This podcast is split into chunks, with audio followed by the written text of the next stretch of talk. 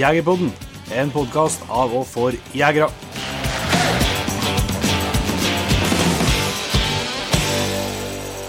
Hjertelig velkommen til en helt ny episode av Jegerpodden. Du er på en krakk, Jon Inge, og jeg er i 20-seng på sida. Det er nesten eh, vel koselig her, da. Det er vel det er sånn det er å være daglig leder i Jegerpoden, og, og vi, vi vanner henne på gulvet med å sette på en krakk. Ja, det er sånn det, er sånn det skal være forskjell på folk og spille med en gitt. Men eh, det har noe sammenheng med at vi er på ei jakthøtt eh, som vi har leid fra Statskog, eh, som heter for Osvastu. Mm. På hjemmebane. Vi skal Klar for en ny helg med elgjakt. Yes, rett og slett. Eller det får vi nå se, da. Ja, vi er, vi er klar. Ja. Så får vi se om eh, verden og naturen og føre og vær er med oss, da. Sånn noenlunde, i hvert fall. Ja. Men eh, vi skal først eh, nevne litt om eh, dagens episode, som du har tuna deg inn på nå. Det er en prat vi har hatt med ei dame som heter for Camilla Hartz. Som er ei meget, meget både dyktig og engasjert dame som brenner spesielt for både bannhundjakta og, og svarthund, men elghunder og hunder i stort, da, må Ja. du kunne si. Men eh, hun er jo annet leder i Avlsrådet for eh, Norsk Elghund Sort. Hun er jo jaktprøvedommer og utstillingsdommer, så eh, det er jo ikke Nylig, utdanna sånn. ja, i hvert fall utstillingsdommer. Jaktprøvedommer har vært, vært en stund, ja, men eh, det er med andre ord ei dame med, med mye kompetanse og mye, mye guts, som eh, jeg i hvert fall kommer på fra den praten at jeg lærte lært en del nytt av òg. Ja, ja, ja. Sånn at her er det bare å se fram imot. Jeg vet jo at det er mye eh, både svarthundfolk som hører på Jegerpodden, og bannhundfolk som uh, syns det er langt mellom banneepisodene. Nå kommer nå én igjen, da. Ja. så, så håper jeg at det, det er feil i smak. Det føler jeg meg ganske trygg på, da. Men før vi eh, slipper til Camilla, så eh, har det jo vært ei, ny jaktvekka for vår eh, del. Vi liker jo å oppsummere litt uh, ukene som går uh, fra vi var på, på lufta sist, eh, Krokløyven. Eh, vi kan eh, kanskje starte med en artig dag der jeg var ikke med, men du og broren din hadde på hjortejakt. Vi har jo nevnt litt før at vi har vært heldige og fått tak i et hjortterreng for litt brøljakt i, i år. ja. Nei, ja, vi har, jo nevnt det, at vi har vært, vært prøvd oss på noen runder, men vi har ikke vært helt eh, heldige med forholdene der heller. Eh, det har vært krevende å komme seg dit med mye vann i elv og forskjellig og, og sånt, men uh, nå har jo finværet kommet til Trøndelag, da. Yes. Så det med null nedbør og, og kaldt og klart i været. Eh, Så, det, så aktiviteten i det brunstområdet for hjorten det har jo, har jo tatt seg opp. Og, men det har vært litt sånn av, av og på med, med brølinga. Men jeg husker ikke helt hva du gjorde på den fredagen, men du jakta nå sikkert elg. Jakt elg, ja. Ja. I hvert fall så for han brorsan eh, i vei eh, på morgenen. Der, der var det planen å jakte, jakte hele dagen. Eh, og jeg hadde egentlig bestemt meg på forhånd for at eh, jeg kunne ta på meg å være spotter. Så send, send han over, over elva og opp i andre lia, så, han skulle, så jeg skulle kunne liksom veilede han og, og Ikke veilede han, men Hjelpen innpå. for hjelpe inn- hjelpe innpå. Det var ikke eh, helt optimale smygforhold. Nei, det var ikke det. det... Så det er ganske tungvurt som gjort antallet for å ikke få med seg at det kommer noen gående. Det er knaseføre, ja. Det, det var absolutt det. Men eh, ja, vi så nå en bok i starten her som han eh, som han eh, skulle snike seg innpå, men den, den ble borte etter hvert. Jeg tror han gikk og la seg inn i skogen og ble bare borte. Eh, Han prøvde å lokke litt, men, eh, men ikke, noe, ikke noe respons å få. Så gikk han, han egentlig bare nordover. Eh, Jeg fikk se noe mer gjort lenger opp i dalen, og, og han bare fulgte elva oppover. Og så flytta jeg meg bare etter også, for å hele tida ha kontroll på lia, lia over han. Ja. Og øh, når han kommer, kommer liksom lenger opp i dalen og holder på å nærme seg, kanten på grensa, så får han da, da er klokka sånn ja, to-tre på ettermiddagen. Da, da begynner brølinga å ta seg opp igjen. Da, da, da har det vært stilt i mange timer, men da, begynner det å bli brøling igjen. Og, og øh, jeg er nå helt sikker på at det er liksom på, på den sida av elva hans. da. Men det er jo, det er jo bratt og juft nedi her, så det han oppfatter som ikke jeg har fått med, det er at det, Det brøler på de Det sida. brøler på min side, i tillegg, da. Og det, det er på den samme sida som jeg har sett, da, så Og så sa jeg ja, jeg må bare fortsette å gå på her og se om- jeg får se dem, men så sier han at jeg må de, de sto ganske høyt oppe i lia, og så så å på samme høyde som meg, da. Så da Ja, det var noe surt og kaldt. Jeg satt i ro mange timer, så jeg var egentlig med, satt med kikkert og spot, og spottingskåp og termisk alt opp, så var det egentlig godt å begynne å røre litt på seg, så jeg sprang opp i bilen med med mye av kikkertutstyret, og så henta jeg rifla, så gikk jeg ned litt lenger opp. Og, da har han sett eh, i hvert fall at det var tre bukker. En, eh, en stor en, og så en, eh, en litt mindre, en sånn ti, tidager, og så en min- enda mindre enn seks-åtte. Han, ja, han, han hadde dem på sånn ja, 220-280-300 meter. Men han følte liksom ikke han hadde noe godt, godt lege for å skjøte sjøl. Det var litt langt, og så var det vanskelig å finne noe godt anlegg og forskjellig. så Det er jo ikke akkurat så mye flater å legge seg til på. Nei, det er ikke det, det som er problemet. Du, det er ikke to meter med flatt noen plass der, så du får til å ligge liksom plant og få godt stø både fram og bak alt i hop. Så han var, han var litt sånn litt sånn fortvila en stund. Men eh, i hvert fall så han, han hjalp meg noe godt, så jeg fikk komme meg litt ned i skogen der, og så jeg fant ut at jeg, jeg kommer jo ikke innpå dem heller, eh, med det bråkeføret som var, så jeg må bare gå og lokke litt, da. Eh, og brukte bl.a. mye av det vi har lært, lært av en Joar og en eh, Mats på jakta jeg og du var med på i fjor. Og lokka litt med brøling, og så litt på noen koldelyder, og så fant jeg meg en ganske sånn, ja, helt åpen og fin post oppi her, så jeg setter meg ned litt, og så kjører jeg noen koldelyder. Og da fordelen med skrapeferie er at du hører det når det kommer hjort, da. Ja. Så da hørte jeg, hørte jeg at det kom tassende en hjort liksom rett imot meg. Eh, og som var, var, var nysgjerrig. Det var ikke noe, ikke noe brødring eller noen ting på han, ja. Men han, han, han kom, kom imot og var nysgjerrig. Eh, så så jeg at det var ikke noe, det var ikke noe kapitalbok akkurat, da. det var en uh, seksdager. Uh, og så ja, kom han inn på 20-30 meter, og satt nå selvsagt og sikta på han. da. Da begynte klokka å bli sånn eh, Hun var ja, rett overkant av fire. ja. Det begynte å bli litt sånn skumt. Også, mens jeg sitter og sikter på han, så kommer brorsan Brønnen og sier at nei, jeg ville gjerne krysse den elva med hvalerne mens det ennå var lyst, så vi måtte nå snart begynne å gi oss. Da smalt det. da smalt det. da, var, da ble det ganske greit. Så det var ikke, det var ikke mye som skulle til, men da men det, ja, det er det vanskelig å si, men jeg skjøt uansett. Men det, det var en jævla fin situasjon. Kom, eh, kom nært innpå, og artig å få til sjøl. Så er jo om man kom på lokken, eller om man kom Bare skulle, bare skulle gå, bare gå skulle, skulle gå der, det, det er noe håpløst å si, da. Men eh, Det føltes som han kom på lokken? ja, det gjorde det. det, gjorde det.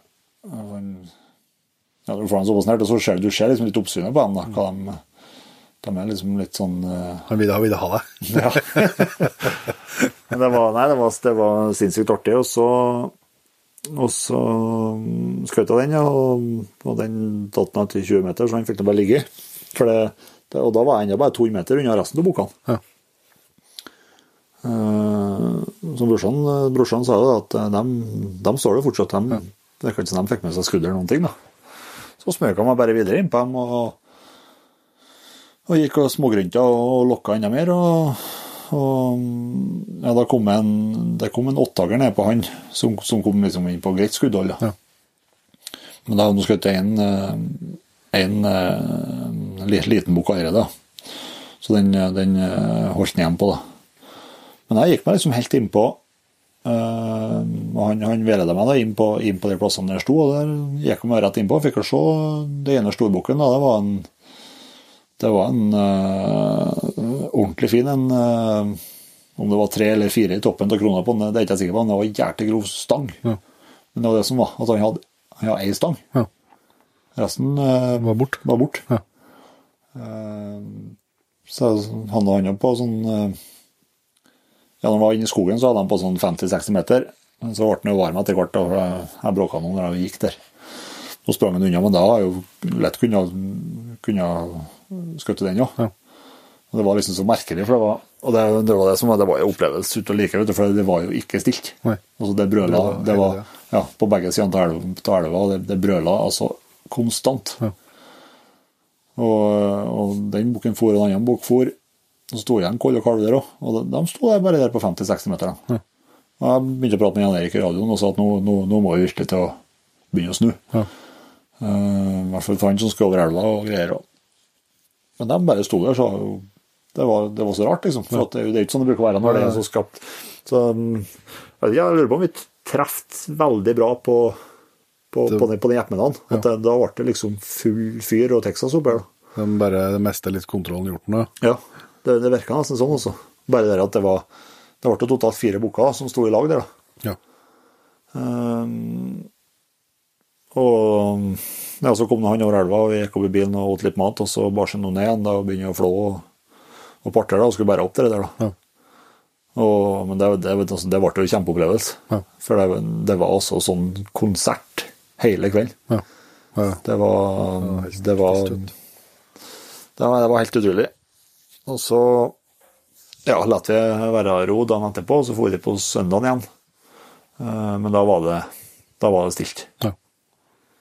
Eh, Så jeg tror vi hadde jæklig flaks med den jempen der, eh, og spesielt at det sto gjort på den sida på elva. Ja. For det, det, det var tungt å bære kjøtt, ja, men det er bare det at, du, at kjøttet lå, altså at bukken lå på den samme sida som veien er. Det er bare ja, det er én oppoverbakka, og ikke først eh, loddrett ned, og så den enda lenger oppoverbakka. Stemmer. Så det, det hjelper på veldig, så Nei, det var en, det var en magisk dag. Ja. ja, ja, det er tøft. Det er artig at det lyktes. Så vi håper at det blir muligheter igjen neste år til å gjøre nye tak. Ja, og håper at det klaffer litt mer med forholdene. Ja, i hvert fall eh, så til, så Forholdene kommer vel uansett sånn værmessig sikkert før eller siden, men det er elva som er X-faktoren. Ja. Sånn at det, det, det er artig med brødjakt, men det er jo enda artigere å være med en jakthøste. det. det er artig å bære livet òg. Ja, så det Nei, men det var jæklig tøft at det, det lyktes. Eh, Elgjakta jo egentlig gått sånn som det har gjort hele høsten. Det er noe eh, Det er vanskelig etter hvert, syns jeg, å klage på hundene, da, men eh, det er enklere, enklere enklere å klage på elgen.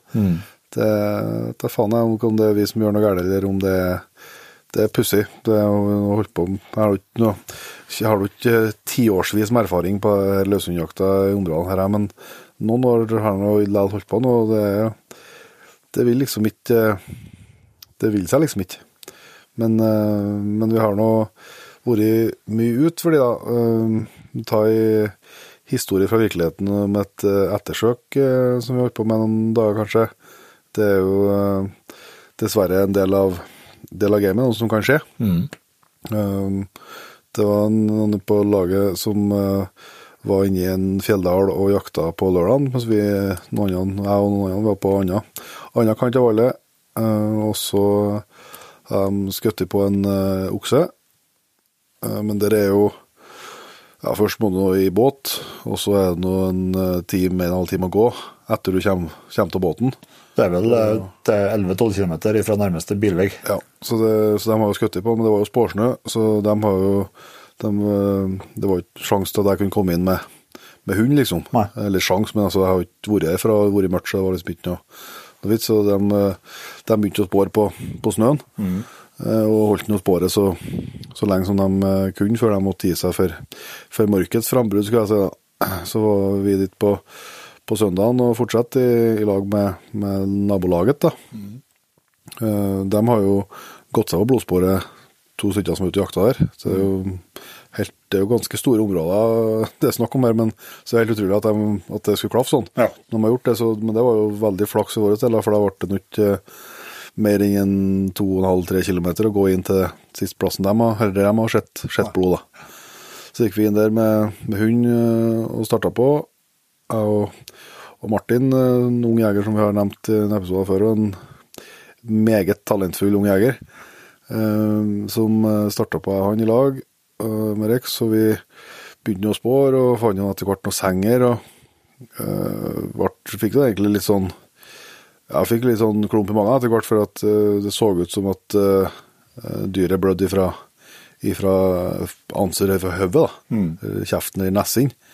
Uh, og da begynner du å få den her frykten for at det kan ha blitt et skudd som har gått i en kjeve. Eh, og da, det er jo liksom kanskje noe av det verste som, som finnes, da. Um, det rimer liksom ikke med Både, både, med tanke på elgen og med, med tanke på ettersøket, for at uh, det, det, er en skade som ikke Han hemmer ikke elgen, nå. Ingenting.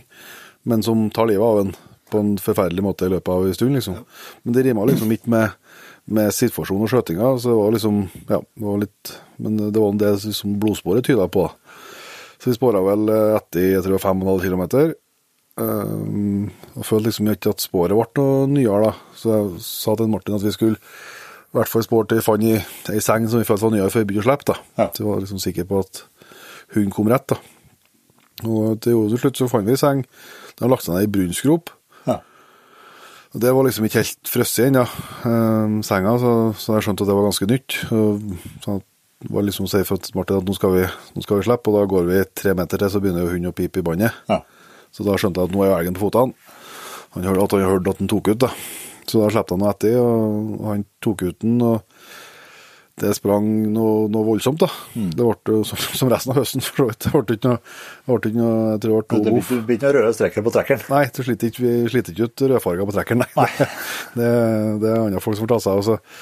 Men han hang nå på da, og, og, gjorde noen runder, og, og så til slutt så endte Rex opp med et vann. Mm. Så vi mistenkte nå at uh, dere hadde elgen kasta på og svømt. da. Det ble noen kilometer, det òg? Ja, det ble en uh, eh, 13-14 km sikkert, da, ja. før den kasta seg på og svømte der. Uh, og så var vi jo ned og kontrollert, da, eller Milla plukka opp Rex ved vannkanten her. og så gikk vi nå på sporet der de kryssa en vei, og der fant vi jo litt blod. Så skjønte vi at det var rett, og så ble hele, egentlig nesten hele sporet gått etter likevel. Ja. Bare for å sjekke at, at, det var rett, og at han hadde kasta seg på og svømt. da. Mm. Da fant jo Martin eh, litt blod eh, bare 20-30 meter før der kasta seg på og svømte. Så da visste vi at det her er jo rett. Så gikk vi på på andre sida av vannet og fant igjen sporet på eplene kveldinga her, da.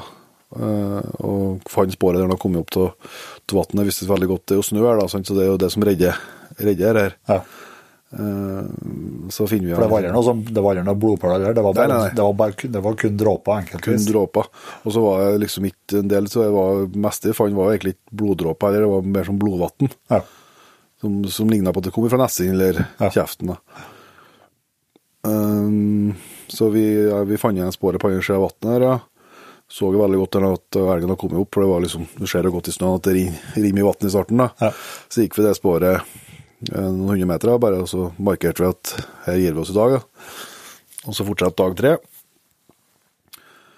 Da da ble du med og vi fikk med oss en, en til.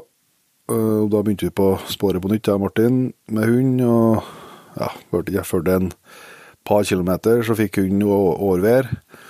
Litt sånn uh, irritert på seg sjøl for at han slapp litt for sent dagen før. da, Så tenkte jeg at ja, da må vi på gambler. Da visste jeg at da var du med og Brutus med òg. Mm. Så vi hadde en hund til å, å ta etter òg hvis det skulle bli feil. Og det tok ut, eh, tok ut da, men det var feil, feil dyr. Og det er barsjøvei eh, langt faen i vold. Eh, men det er jo svømt nå. Så da ja, Martin fortsatte det sporet. Vi klarte jo å følge dem liksom med, med ja, vi har ikke, Jeg tror det var vanskelig å følge dem hvis de var alene, men to stykker og, og bra sportsnø, så, ja. så klarer du liksom å og kom oss gjennom de andre sporene som var. og Da var det jo ikke noe, noe blod å snakke om heller, for det hadde snødd eh, litt natta, den natt til, til mandagen. Altså. Så det lille blodet som sikkert var, det har jo snødd over. Mm. Men liksom med ujevne mellomrom, kanskje 300-400 meter mellom, så fant vi jo én og én droppe. da. Ja. Så vi visste jo hele tida at vi var på rett sporet. Og så uh, fikk vi sendt, sendt, ut noen i båt for å kjøre rundt et stort vann der for å for å plukke opp eh, hund, ja, mm. Hun sto og venta nede ved stranda.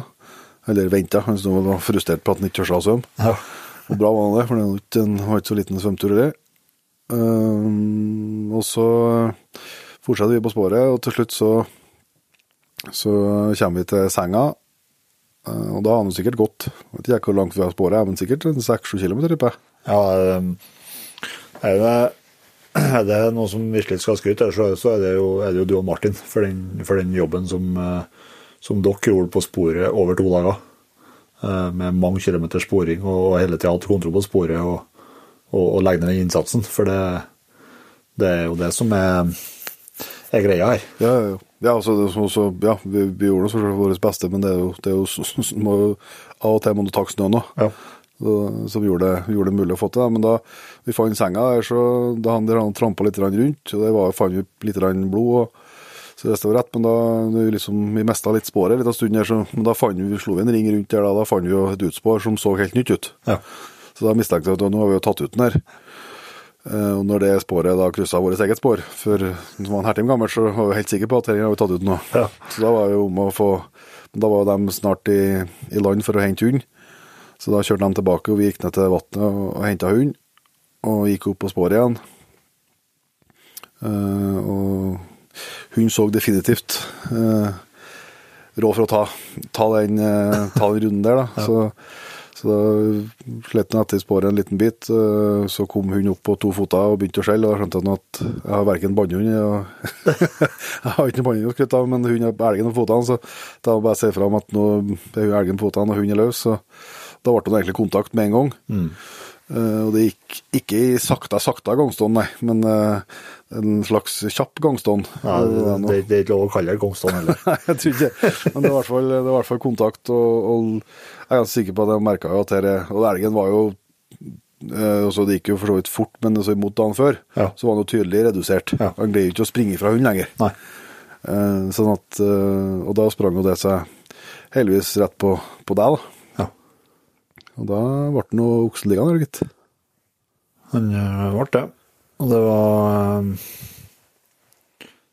Det var øh, godt å få avslutta det der, for at spesielt for han skytteren Ja, ja. som, som jo, skutt på han, han, han, han var tydelig prega, altså. Ja, ja. Han, han føler jeg på å kjenne ganske godt, men, men det var en ny situasjon å se han i. Ja. ja, ja. Ja så, og sånn er jo, det vet jo alle som har vært borti og, og jakter nok, så kommer du borti det. Mm. Det er jo liksom det, det verste du kan nesten oppleve, sant? Ja, altså, ja. som jeger, da. Uh, men, uh, men elgen ble jo her, og alt ble jo bra. Tror jeg, når jeg summerte eh, det hundene har gjort, og det vi har gjort, uh, så, så er vi på sånn omtrent 3,5 mil da, Ja. fra skuddplassen. Så det Det er det som er, altså det, det synes jeg det er komplekset med, med et sånt, som dere, sånn som dere ettersøker der. Der det er så lite blod, men så har du den snøen å hjelpe deg med. Ja. For det er et ettersøk som har vært styggvanskelig å gjennomføre. Ja, jeg tror ikke vi har hatt u- eh, kompetanse. Nei, altså, du, klart har du, har du en virkelig, virkelig sporekspert på Ja, et hund, ja. som er spesialtrena og har uh, mange titalls tilfeller i året, eh, og kanskje hundretalls tilfeller i året, så ja, så kan det godt hende at da er det sikkert mulig. Men med de ressursene som, eh, som, som vi har på en måte tilgjengelig, Mm. både sjøl og sånn, så, så tror jeg det har vært kjempevanskelig. Og, du ser, jeg så jo så godt eh, Jeg gikk med Rex der på, på søndagen, eh, sant, så, så han er jo bra til å spåre, men eh, det er jo vanskelig å stole på, stole på hund for de. Så vi kontrollerte alt han gjorde, altså alt, eh, men han var rett hele tida. Ja, Men, uh, men likevel at du skal klare å, du å stole på det i 5,5 km når du ikke ser noe. For at det var så lite blod at på barmark, så, så merker ikke han blod, hver bloddråpe så tydelig i hvert fall at du klarer å finne igjen den. Så da hadde du ikke sett noen ting. At du da hadde fortsatt hatt trua etter 5,5 km. ja. Uh, 5,5 km er ikke langt, det, men det er ganske langt likevel når du går, eh, så går og spekulerer på om du er rett, liksom. Så Nei, det var Ettersøk er, er jo det, måte det verste som, som skjer, som sagt. Men samtidig, når, når først man begynner å legge ned innsatsen, og det til slutt uh, lykkes, så er jo ekstremt tilfredsstillende, altså. ja, det er det. Det er en veldig god følelse. Så, men på, for å ta skuddskaden, da, som, eh, som vi var usikre eh, på da, så, så eh, er jo konklusjonen den eh, rett og slett at eh, det har vel gått i en kvest. Mm. Så vi fant, vi fant kula bak bogen, egentlig helt perfekt. Men sikkert har spint, da. Sånn at hun lå imellom, imellom skinnet og kjøttet, kan vi si, men hatt nok kraft til at hun har knekt et ribbein. Men, ikke, men kula satt jo ikke godt inn i maskinrommet, da, for å si det sånn. Altså, så kula satt i kjøttet mellom skinnet og ribbenet? Ja. Ja. Eh, rett bakom bogen, så, så det er jo sikkert vært snakk om millimeter her, for at elgen har vært død i løpet av sekunder, Ja. sant? Eh, sånn som det skal være. Men, eh, så det jeg tror har skjedd, det er at grunnen til at vi fant det blodsporet som vi fant, er at det må ha gått noen fragmenter enten av beinet eller av kula som har gått inn i lunga. Ja. Men ikke nok til at det ikke nok til at det bremsa elgen noe særlig, Nei. men nok til at det kom litt blod i, i, i, i, i nesen eller i kjeften. da. Ja, det kan som du jo, ja. kjenner fra et, altså, du kjenner fra et klassisk lungeskott, så kommer det jo mye blod Ja. eh, fort. Men, eh, men her kommer det bitte litt eh, over tid. da. Ja. Ja, Enten det, eller at eller så kan det være Nå vet ikke jeg hvordan Jeg var, var ikke når dere flådde den, men det kan jo være noe med at et ribbein er Ligge innpå og trykke. ligger innpå trykket Ja. og har kanskje noe spist, en spist at det er knekt litt òg, så er det nok til at det, at det kan Raspe opp litt, ja. ja. Så, så om han har berga det med den skaden eller ikke, det nå bare spekulasjoner. Det, jo- det var ikke noe blod fra, fra innholdet, altså der det Nei, nei. sto. For, det, for det, vi, vi så over begge sidene Ja. når han lå der med skinnet på, Ja. og der var det jo ingenting å finne. Nei, det var ikke det. Så, nei, så det, det var jo ikke den, det ikke den skaden vi hadde eh, frykta, og det var jo på et vis og godt for skjøtteren, selvsagt, for at Ja. det rima ut med, med det opplevelsen han hadde når han skjøt. Så, så sånn sett så, så er det jo altså det er jo bestandig et uhell når det er det er bestandig et uhell når det er skadeskjøting, men det er jo tross alt en litt større trøst likevel når man innser at uhellet er, er et Det er ikke at du har tatt en sjanse, for å si det sånn, da. Eller at du har skutt et voldsomt dårlig skudd. Nei. Skuddet var sikkert eh, bra, det, men eh, det var den berømte kvesten som, eh, som, man ikke, som det er vanskelig å ha kontroll på på 100 meter. da. Ja. Så nei, det var nå en, en uh, situasjon som, som heldigvis endte godt til slutt, uh, og som, uh, som var veldig, veldig artig å få være med, og- være med å løse. Det er, ikke noe, det er ikke noe trivelig når man er- holder på oppi. Nei, nei, det Det er ekstremt lærerikt. ekstremt lærerikt. Jeg tror det eh, elgkløven der skal jeg klare å komme på hvis den har fortsatt fortsatt gått. Ja. Skal jeg kjenne igjen den kløven neste år, ja. jeg. hvis det har skjedd den i stedet. Så det. Nei, men vi, eh, vi skal jo sette over til Camilla Hartz, vi. så jeg tror bare vi eh, lar folket få bli kjent på henne. Det gjør vi. Da har vi gleden av å ønske Camilla Hartz eh, Repshus hjertelig velkommen til Jegerboden. Takk for det. Jeg fikk kanskje ikke navnet rett likevel, eller? Det, det, det var nært nok. Ja, ja, ja, ja, ja da, lyder. Mange navn, det går fint, det. det går bra. Det er jo 20 sekunder siden hun retta på, så det Det er ikke å vente at det tok, nei. Du, vi skal snakke med deg, Camilla, i dag om eh, mye forskjellig, egentlig. Mye hundeprat, selvsagt, og ikke minst eh, eh, jobben du og mange rundt deg har gjort som del av avlsråd og forskjellig. Og vi skal snakke litt utstilling og svarthund, selvsagt, og bannhundjakt. da. Men eh, før vi kommer dit, så må vi la våre lyttere som ikke kjenner deg, bli litt kjent med deg. Så du kan si noen ord om deg sjøl til å starte med her. Jo, jeg er eh, straks 47 år. Har mann og to barn og nå tre hunder hjemme her vi bor på, på Rena i Åmot. Ja. Vokste opp på Rena og jobber her som fysioterapeut i, i kommunen.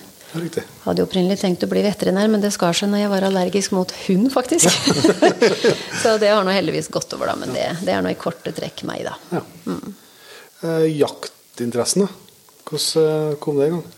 Jo, den starta vel Jeg hadde en far og en bestefar som jakt, og tante og onkel. Da. Fikk det vel sånn sett inn, inn fra start, da. Ja.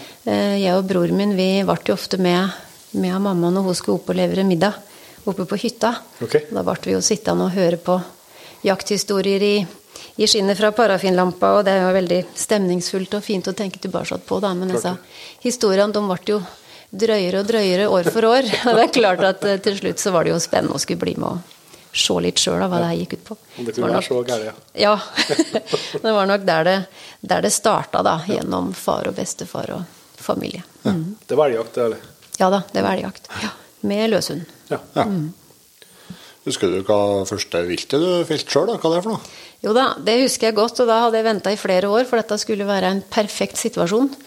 Dyret skulle jo stå med breisida til, og det skulle stå i ro, og jeg skulle ha ro og et godt avtrekk. og eh, kom, eh, kom om morgenen fram til jakttårnet som jeg hadde blitt tildelt den dagen. Og da fikk jeg beskjed på radioen om at det sto elg nede for tårnet, eller på post. Og kom meg jo etter hvert lydløst opp de knirketrinna opp i tårnet. Far min satt i et tårn litt lenger bort og så bakenden på elgen. Jeg, så, ja, sånn jeg kjenner han, så vet jeg at han har nok gjort det han kunne for å vekke oppmerksomheten til den elgen. Men det gikk jo heldigvis ikke, da. Så jeg, den fikk jeg jo da tak på og fikk plassert et skudd på. Så den henger oppå veggen her med sine elleve tagler. da. Se, tøft. Da, For en debut. Det var en debut. Hei. Ja. Jeg har ikke skutt lignende siden da, men nei. Nei, men det er ikke alt som er unnagjort. Ja da, det er greit å ha gjort det med en gang. Ja. Hvordan er det jaktåret nå? Er det elg det går i fortsatt, eller? Ja da, det går i, går i elg. Um, starter jo jakta her 25.9. Ja. Og er jo selvfølgelig litt forberedelser, og det er jo spennende det. Dagene før å ja, organisere og planlegge det. Ja. Og så jakter vi jo som regel første uka, som Mm. kanskje mange gjør. Og så blir det helgebasert fram til jul, da. Mm. Så da er det i området Det er i Østerdalen her du jakter? ja da, jeg jakter her i Åmot, og jakter på vestsida av Glomma. Ja. Nede under Skramstadsetra og området der. Eller så jakter jeg, skal jeg nå starte å jakte litt på østsida. Ja. Ja. Spennende. Og så er det sånn da, Camilla, at eh, når vi har med oss eh, nye mennesker inn i podkasten, så er vi alltid litt nysgjerrig på, på eh, våpen og optikk, eh, hva som befinner seg i våpenskapet. Og du har jo til og med lagt fram ei børs på bordet, så du har jo virkelig forberedt deg på spørsmåla. Ja, jeg måtte jo det, for det er litt tynt i her våpenskapet mitt. Og jeg er jo kanskje ikke mest interessert i, i våpen og optikk, men, eh, men jeg måtte jo ta fram da, pusse støv av henne. Men det ligger nå en, en, en sauer der, Ja. 202, eh, syntetstokk med en, en Hausken lyddemper på. Ja. Jeg har jo kappa pipa sånn at jeg akkurat kommer innunder grener og, og sånn jeg går med hund. Og så er det en seiskikkert på toppen som jeg liker bildet og ja. Da er du godt utrusta. Trenger ikke mer inn i det. Ja da, det funker. Det er lett, lett børse. Jeg klarer ikke å gå med så tung børse, så dette passer meg utmerket. Da. Så Mm. bra. Uh, vi fikk jo høre litt om, uh, hvor jaktinteressen starta, men uh, nå er det jo bannhundjeger eh, på din hals, og det vil jo si at på et eller annet tidspunkt så kom det jo en hundeinteresse inn. da. Det Var den like tidlig på'n, eller? Ja, det var nok, eh, kom nok sammen med, med turer med faren min med løshund. Mm. Fikk jo observere litt hundarbeid og hadde jo hund selvfølgelig hjemme. Hadde jo to, tre-fire gråhunder ble det vel kanskje i tida han holdt på. Ja. Um, så ble det noe sånn at jeg etter hvert tok utdannelse fikk jobb og, og skaffa meg hund sjøl. Og da forbarma jeg meg over en tre, ja, tre år gammel jevntun Hanne, som, som egentlig Han hadde og sparket på Skaran til elg, og den skulle jeg selvfølgelig fikse. Ja. Det gikk ikke helt etter planen, men det ble nå en god familie og, og, og brukshund ellers, da. Ja. Og så ble det svarthund til det, eller? Ja, da, nei, da ble det en jevntun til, ei tispe fra Gjøvik. Eh, Den eh, var jo hakket hvassere på eksteriør, så da starta jeg litt med utstilling. Ja. Og så um, slapp vi den, og hadde etter noen slipp så fikk vi skutt for ei los, Ja. en okse. Uh, på slipp nummer to, da var det juling. Ja. Så da avslutta vi egentlig den karrieren. Vi prøvde jo å få i gang senere, men det, det, det klarte vi ikke. Nei. Ble den brukt som bannhund og ting, det? eller? Nei da, det egna seg svært dårlig som bannhund. jeg var vel mer med som et slips bak, egentlig, så det ble jo familiehund, ja. Mm. Når var det du gikk over til eh, å kjøpe svarthund? Ja? Jeg kjøpte svarthund mens jeg hadde den hjemtundtispa. Jeg kjøpte første i 2011. Da reiste jeg og mannen min på jakt- og fiskedagene og skulle se på litt hund. Og det ble med en seks måneder gammel hannhundvalp hjem den dagen. Så det var starten. og det var nok en litt eh, skeptisk oppdretter da, som eh, sendte med denne her svarthund med ei helt ukjent dame, til og med. Men det, det gikk greit, det. ja. Er det noe av det du har Nå har du jo tre hunder. Det var far og mor og datter? Var det sånn? Ja, det er faren her som er den første, da. Ja. Han er tolv år nå, så han eh, hører og ser det han vil, og eh, ja, han disponerer dagen sin som han vil. Jeg har å bli litt grå i barten. jeg. Han er grå i barten og grå i øva og ja. Nei da, så han lever nå ut livets glade dager her. Ja. Det er jo godt gjort å liksom ha holdt på Både for han har fått være med så lenge, og så klart å holdt eh, så, Men den fungerte bra, den, liksom, når du fikk tak i den? Ja da, den har fungert bra, og så gjør man selvfølgelig noen feil, ikke sant, med, med første hund, også med ny, ny jaktform, da. Sånn at han, han, ja, han var jo en kraftig hannhund og hadde litt sånn lavt tyngdepunkt, så det, det gikk jo deretter med tempo. Så det gikk fort unna. Så det fora jo selvfølgelig på, på jaktlysten hans, og det ble jo, det ble jo litt grann ivrig i skogen etter hvert, da. Men eh, nei, da jeg har vært inn på Elgmen, og vi har vært på jaktprøve og fikk førstepremie første jaktprøva vi gikk, og mhm. Så det funka, det. Eh, Hvis vi skal ta litt mer, eh, litt mer bannhundprat etter hvert, eh, Camilla, men hvis du eh, Mange kjenner jo navnet, tror jeg, gjennom eh, et eh, jobb, jobber du har gjort og fortsatt gjør, eh, både i, i Hedmark Elgundklubb og, og likeens for Svartundklubben, og, og ikke minst nå da i, i, forb, i forbundsstyret. Eh, Så det vil si at du har vært veldig engasjert i, i klubbarbeid. Hva, hva var det som gjorde at du kasta deg på du, Nå er du utstillingsdommer, du er prøvedommer. Eh, Hva er det som gjorde at eh, Du sa jo 2011, så jeg skjønner jo at det gikk ikke så lang tid fra du fikk eh, den første svarthunden til at det begynte å, du begynte å virkelig engasjere deg i, i klubbarbeidet. Jo da, det var vel under denne første jaktprøva. Da var det med en dommeraspirant som satt i styret i Hedmark Elgklubb. Okay. Og da var de egentlig på jakt etter en webredaktør, så det var der det begynte. Ja, ja. Med å legge ut, legge ut stoff da på hjemmeside for, for Hedmark Elgklubb. Og deretter så ble det jo litt mer Bannhund, og så ble det jo til at jeg avløste han som satt da med, med styrevervet for Bannhund i Hedmark. Og så gikk det deretter videre med dommerutdanninga. og, videre, da. Men det, har jo, det har jo vært engasjement først og fremst for hund, Ja. eh, som liksom har Drevet det, ja. trigga og drevet det videre, da. Og så er det jo folk du møter på veien, ikke sant, som har samme interesser, og som man har eh, samme lidenskap som, og det òg det òg bidrar jo til at man fortsetter og driver det videre, da. ja. Ja, for det er jo et, det er jo et fantastisk miljø når du, når du kommer inn til det. Absolutt. Og Banehundmiljøet i, i Hedmark er det en klubb som jeg kjenner best. Det er et utrolig samhold, og vi har det utrolig trivelig på, på samlaprøver og når vi dømmer og, og ja, når vi er. Så det er en utrolig hyggelig gjeng. Ja. Mm. Du har jo vært leder i, i avlsrådet for eh, Norsk Elghund Sort. da. Eh, Og når vi først har muligheten til å spørre om hva et avlsråd eh, gjør, så lar ikke den gå ifra oss.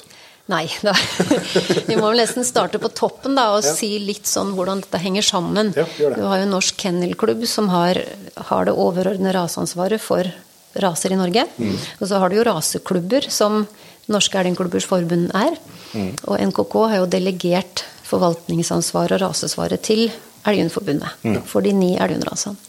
Eh, Og så er det klart, eh, det skal liksom ikke sitte bare et styre kanskje og, og forvalte alle de ni rasene. Det, det krever jo at man studerer og er godt inne i rasene. Klart. Og da er det et avlsutvalg for hver av de tre største rasene. Norsk elghund sort, svart, eller altså sort, grå og jevnthund. Og så er det avlskontakter for de øvrige rasene.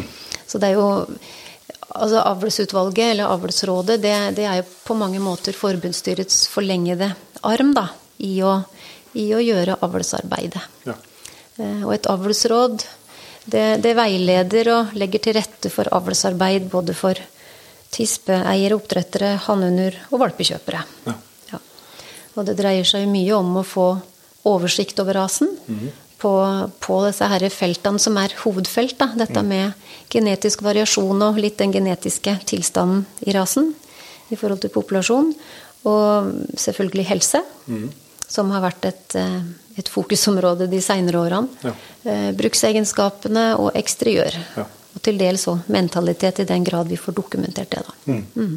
For det er jo, det er jo ofte å lese liksom i, i annonser og sånn at, at det, mm, altså, det står som regel at paringa er godkjent i, i avlsrådet. Ja, det er klart Avlsrådet kommer jo med anbefalinger. Eh, på NKK-nivå så er det krav i forhold til dette med HD-rønking og sånne ting. Men så har du jo ut ifra hvordan man kjenner rasen, så har man satt noen anbefalinger som man tenker tjener rasen, da. Og forvaltningen og utviklingen av, av rasen videre. Ja. Ja, for det heter det anbefaling, eh, anbefalt av avlsrådet, ikke godkjent. Ja, det kan jo være godkjent for så vidt, men det er jo ingen krav som er godkjent. Men det er, eh, det er en paring som da har vært igjennom og møter anbefalingene Ja. til avlsrådet. Og så er det godkjent. Det er riktig. Du har jo sittet som leder for Norsk Elghund Sort eh, i avlsrådet der tidligere. Og da vet jo at eh, første gang at det måtte være en, det er jo noen år siden du begynte med det. og sånn, Det må være en artig periode i sånn utgangspunktet med utviklinga for den rasen. altså Det går jo veldig bra for, for svarthundene eh, i populasjonen, eller for antall. Ja da, den har hatt en rivende, rivende utvikling og er en populær rase for dem som, som tenker bannhund, i hvert fall. Eh, nå har du også veldig gode bannhunder på grå. Eh, men, men, når vi nå skal snakke om svart, så, så, er jo det selvfølgelig en hund som gjennom generasjoner er avla i forhold til bannhundegenskaper, da. Ja. ja. Eh, det har jo vært rekord egentlig de seinere årene hvert år på registrerte avkom. Mm. Ja. Og det er jo sånn når du skal drive avl, så må du liksom ha ha et antall å selektere ifra på mm. de anbefalingene som man setter. Og da er det viktig å få opp antallet på populasjonen. Ja. Mm. Og det har gått veldig bra. da. Hvis vi tar litt om uh, den jobben din, uh, jobben du og dine skal jeg si, avlsrådet gjorde mens du satt der, da, så vet jeg jo at uh, det her med sterkt helsefokus det er noe som, som du brenner for. da. Mm. Jo da, det er nok noe jeg har litt med meg med meg fra, fra jobb òg, at jeg er opptatt av, av, helse. Og det er klart, helse er jo eh, det all avl egentlig må, må, basere seg rundt i første omgang. Mm. Uh, uten helse og uten en hund som lever en, en viss tid, så, så, er det liksom lite å bygge videre på. Mm. Uh, og det er jo først og fremst i forhold til de etiske reglene hos NKK at, uh, at vi plikter å avle på en slik måte at du unngår å avle sjuke dyr. Ja. Eller dyr som dør da, i ung alder eller mm. opplever ubehag. Ja. Det har dreid seg om altså, noen, sånn, de sykdommene for, for å liksom kunne jobbe med det, så har det dreid seg om, om det er en del gentesting og liksom få, opp, få opp riktige gentester knytta til de sykdommene som man ser er utfordring. Ja, eh, klart etter hvert som, som, vi holdt på med, med litt sånn kartlegging av rasen, så så vi jo det at det var en del tilfeller av visse sykdommer. Mm. Og det, det, må man jo da ta tak i. Ja. Eh, nå har jo, har jo miljøet på Svarthund Svarthundeierne er uh, utrolig De er jo glad i rasen sin, som, som, alle er glad i sin rase, men de jo, har vært veldig lojale ja. til Avlerådets arbeid. Ja. Og, eh, og, der har det jo også vært selvfølgelig takknemlig for oss å drive den helsebiten. da. Mm. For vi er jo helt avhengig av uh, hundeeierne og deres bidrag inn. Ja. Det er jo først og fremst Når du snakker om gentester, da, eller DNA-tester, så er det jo uh, den her eh, for grønn stær. Mm. Den har det vært viktig å få, å få på plass, og mm. få stambokført og få i gang log altså logistikken for det. Ja. Uh, slik at vi, vi, ikke avler hunder som, som kan få grønn stær. Mm. Bare for uh, to enkle, enkle innramdalinger, så jeg skjønner for da er det sånn at da leter dere etter bærere? av de forskjellige sykdommene. Det man, det man kaller liksom Ja, du kan si at vi leter etter bærere, men, men det aller viktigste er å ikke pare en bærer med en bærer. Ja, for, for det er da du får syke dyr. Da kan, da du, få, da slår ut. Ja, da kan du få statistisk sett, da, i et stort utvalg, så kan du da få 25% syke. Ja. ja. Men hvis du parer en bærer, men ikke bærer? Men hvis du parer en bærer med en fri, så får du halvparten bærere og halvparten fri. Ja, sånn, og ingen av dem blir syke. Nei. Men da jo, må du være mer nøye. Neste runde igjen, neste runde igjen. Liksom. Ja da, du må jo kartlegge ikke sant, ja. avkommene, sånn at du vet hvem som er bærer og hvem som er, er fri. Da. Og først og fremst dreier det seg om å avle hunder som er friske, og det kan mm. like gjerne være bærere. Men sykdom du nevnte grønn stær, er det flere som man liksom har jobba med og fått opp uh, gentester for, eller? Ja da, vi har uh, gjort eller nedlagt et stort stort arbeid på å få kartlagt genet som er ansvarlig for det vi kaller ataksi. Okay. Eh, det er en nevrologisk tilstand. Eh, og ataksi, det, det, er jo latin som står for i, i ubalanse. Ja. Eh, de valpene her som får ataksi, de har jo færre, færre hjerneceller i lillehjernen enn mm. normale valper har. Ja. Og det betyr at de har problemer med koordinering av bevegelser. Det er riktig. Du ser det først og fremst på, på, på bakparten, hvor de blir veldig sviktende og har lite kontroll. Eh, ofte har disse her òg en hale som ikke krøller seg ordentlig. Okay. Og de har problemer med å stå i ro, bl.a. når de skal på do og når de skal spise. Ja. Ja. Så du ser det egentlig fra en Med et trent øye så ser du det nok fra en sånn fire-fem ukers alder. Ja, så det kommer så fort, ja. Mm. Ja, det kommer såpass fort. Han eh, Hannhunden vi snakka om i stad, som tusler rundt her om dagen, han eh, kom det to kull etter hvor det ble ataksi, og det, det skjønte vi ikke på det tidspunktet. Nei. Men det er klart, når jeg nå så det igjen senere, ja. så, så, er det jo ingen spørsmål om at det her måtte vi ta tak i. Ja. Eh, vi tok da kontakt inn til NMBU og en som heter Frode Lingås. Ja. Og da starta vi et arbeid med å få kartlagt det. Det er jo kjent på noen andre raser. Sånn at vi visste jo at det var en tilstand. Ja. Men så er det jo snakk om å finne genet da, på denne rasen her.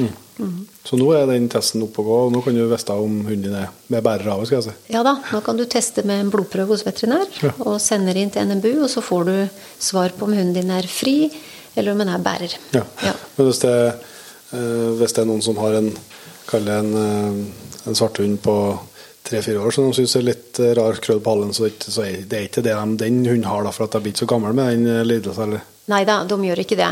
Eh, De fleste av disse valpene her, de kan nok oppleve en bedring opp til de kommer i en ja, 8-9-10 ukers alder. Okay. Og så begynner de å bli da, etter det såpass store at da får de problemer med å koordinere kropp, rett og slett. Så um, de pleier å slite ganske bra rundt en tre måneders alder. Ja. Så det, ja, men det er jo klart det er noe det er jo eh, tragisk både for den, både for oppdretter og for dem som får det. Altså det er noe, for, ikke minst for hund. Så det Ja, går ikke an å ha det sånn. visst er det det. Og det, disse hundene her de har også nedsatt reflekser i bakparten. og de, de har en del ting ved seg da, som gjør at det, det er ikke på en måte forenlig med et godt funksjonelt liv videre. Nei. Men i, I tillegg til helse, så eh, må man si at du, så min personlige oppfatning er jo at det må jo ha skjedd ting med gemyttet til svarthund òg. Ja da, det, det har det gjort. Eh, Fra, fra svarthundens spedbegynnelse så var jo dette her en, eh, en ganske så skarp rase. Ja. Og det står jo beskrevet i gamle skrifter at de, de var, eh, de var skarpe og gikk egentlig fysisk til angrep både på elg og folk. Eh, Det har jo skjedd selvfølgelig mye med alle elgrasene oppover. Ja, ja. Og, og det har det òg gjort med svarthunden, som i dag er en meget velfungerende og god, lojal familiehund hele året. Ja. Passer godt i, i barnefamilier og, og, og til hverdagslig bruk og jakt. Og. Men det er klart, du har jo individuelle forskjeller her òg. Ja. Det har du på alle individ innen alle raser. Så. Men jevnt over så er svarthunden en tillitsfull og lojal familiehund som er lett å prege og forme. Ja. For det, for det, det er jaggu noe annet Det, det må også det er jaggu noe annet å være på utstilling eh, i elghundmiljøet nå i dag enn det var for eh, 15-20-30 år siden. Ja da, nå er jo jaktdressen som uniform på vei ut, tror jeg, i utstillingsringen. Og taustumpen er jo erstatta med kanskje et utstillingsbånd eller noe mer hensiktsmessig, da. Ja, det er ikke jekkstrop eller et blåtøy, nei. Nei da, det er ikke det lenger nå. og det er jo hunder som, som vi ser takler bedre stressa situasjoner enn før. Du har ikke så her harde møtene mellom, mellom hunder, da. Selvfølgelig har du enkelte som, Jo, jo. som utagerer, men det jevnt over har det blitt, blitt mye, mye bedre. Ja. Men har du sett eh, som leder i et eh, sånn avlsråd, da dere har gjort eh, til dels sånn sto- store og gått inn i store og tunge både prosjekt, og, som selvsagt er utrolig viktig, men det må jo være litt Du vet jo, vet jo hvor personlig dette med, med hunder er for alle sammen. Liksom, det, er jo ikke, det kan ikke være helt uten ikke nødvendigvis konflikt, men altså, det kan jo være sårt for noen. Altså, det er jo sikkert ikke, det er jo ingen som mener å gjøre noe gjør dårlig avl. Ingen ønsker jo det. Men, det, men folk kan, man kan være uheldige. Altså, det må være litt sånn, litt sånn følsomt da, liksom, når dere sitter og jobber med det her. da. Jo da, det er klart det er det. Og det, det, det, er jo sånn at du, du, du må jo på en måte like å prate med mennesker, og du, du må jo støtte enkelte ikke sant? I, i tunge valg. I, og du får jo ofte også eh, tilbakemeldinger om, eller rapporter om sykdommer, og, og prøve å veilede dem der videre, da. eh, I forhold til samarbeid med veterinær og i forhold til forskning videre. Em, nå er det jo ingen som ja, ja, som du sier, ønsker å avle syke dyr. Men det, det er jo ikke sant, det er genetisk heksegryte til dels, da, dette vi holder på med. Ja, vi har jo ikke helt kontroll, det må vi bare innse. Vi må nok innrømme det. ja. Eh, Men det er klart, alle gjør jo det beste de kan med det vi vet per i dag. Ja. Og, og prøver med de beste forutsetninger å avle sunne, funksjonelle hunder. Mm. For det er jo det er jo litt sånn at du kan, eh, du kan godt komme og snakke stygt om, eh, om kjerringa ja. kjer- kjerringa Kjerring og eller gubben, men eh, du, du kommer ikke her og snakker skitt om hund. Altså. Nei, det har lett for å bli litt sårere, da. Dette er jo litt av utfordringen når du sitter i et, i et avlsutvalg, for der må du jo eh, liksom heve blikket fra, fra den individuelle hunden, og du må liksom kunne se, se hunder og, og, og, og rasen som en helhet Ja. på et litt overordnet nivå, da. Og se de store trekka og trender og ja. Men sånn sett var det kanskje eh, bra altså, Nå blir det større og større, svarthundrasen, men, men når du starta her, da, så, så var det kanskje miljøet såpass at det gikk an nesten å ringe til alle sammen. da, altså, For å sette det på spissen. Jo da, ikke til alle ikke hundeeiere, men til alle som var engasjert i, i avl og litt prøver og sånn, så er ikke miljøet så stort at du kommer fort i kontakt med store deler av miljøet. Ja da, du, du, gjør jo det. Og du ser jo mange av de samme ikke sant, på utstillinger og samlaprøver Og, og, men lett å komme i kontakt med, med folk, altså. Ja. Og det har vært, vært, en fin måte å bli kjent med både folk og hunder på. Men det er klart, når det er en litt mindre rase, så, så blir du jo fortere kjent med, med stamtavler og, og, slektskap bakover, da, for mm, ja. å få oversikt. Ja. For, ja, det, det, jeg syns det er interessant det du, at, at, vi nå sitter og snakker masse om helse. For at i, i mitt hode så er det lett å tenke at uh, avhørsrådet sitter bare å studere um, jaktprøveresultat og utstillingsresultat. Og, men det er jo som du sier, det er jo, når, du, når du forteller det, så er det naturlig at det hjelper ikke om det hjelper ikke om du har fantastiske jaktprøveresultat hvis uh, avkommet blir sykt. Altså, hvis helsa ikke ligger der i bunnen, så får du aldri en, får ikke neste generasjon noe gode resultat uansett. Nei da, han, han gjør ikke det. I hvert fall på alvorlige greier som vi snakker om her. da. Mm. Det er jo det er klart Vi plikter å ta tak i tilstander som fører til død, ikke sant? Mm. Og, og, dette med ubehag. Um, og så tenker jeg jo at eh, oppi det hele så skal vi ta vare på disse gode individene, som mm. er rasetypiske. Og de skal jo selvfølgelig få, få brukes i avl. Mm. Vi ønsker jo vi ønsker jo å bruke så mange unike og forskjellige avlshunder som mulig. Ja. Og det er jo for å opprettholde mangfold og, og genetisk variasjon. Da. Mm. Genetisk variasjon det kan være litt sånt mystisk begrep som, som, man leser og hører, og så vet man egentlig ikke helt hva det er. Eh, men det dreier seg jo om hvor mange forskjellige gener som finnes i populasjonen. Ja. Og når vi snakker om en populasjon, så er jo norsk er det jo en sort som, som, grå eller som noen av de andre rasene. Det er jo liksom en lukka rase. Mm. Så du parer jo en svarthund med en svarthund. Mm. Um, og så er det jo også sånn at man bruker jo gjerne den bedre halvdelen i avlen. Uh, men da vil man jo tape noen gener på veien. Ja. Og så er det også sånn at når, når den genetiske variasjonen går ned, så kan det jo kanskje være litt kroppen og genenes um, Ja, at, at man reparerer med å at, at, det da oppstår mutasjoner. Ja. Det er jo slik sykdommer ofte oppstår. Mm. Grønn stær er jo ut, ut, i utgangspunktet en mutasjon. Ja. Um, så har du noen mutasjoner som forfølger helsemessig, mens andre mutasjoner har jo laga krøllen på elghalene, ja. f.eks. Ja. Ja. Som vi liker jo, godt. Hva sa du? Som er like godt. Som er like godt.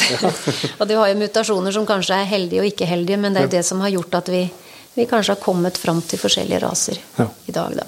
Ja. Um, ja. Uh, nå sitter du da i forbundsstyret og har uh, sett så avlsstrategisk utvalg, er det det kalles? ja da, det er et nyopprettet utvalg mm -hmm. som, uh, som, skal koordinere litt. I hvert fall de sakene som berører kanskje mer enn én rase. Ofte kan det f.eks. være helsemessige temaer. Ja. Akkurat nå holder vi på med, med et sædlagringsprosjekt okay. som berører norsk elgundsort og norsk elgundsvart. Mm -hmm. Og det går jo på bevaring. Først og fremst, Det var sånn prosjektet starta. Mm -hmm. Med lagring av sæddoser for framtida, ja. hvis rasen skal oppleve en krise. Men nå er det også i gang med å kanskje åpnes opp for et mer dynamisk sædlagring, da, som man kan bruke fortløpende. Ja, mm. ja sånn som du kan måtte, som en bank? Skal jeg si. Ja, som en, ja, ja. som en bank. Uh, og dette vil jo være et tiltak for å, for å sikre litt dette med genetisk variasjon.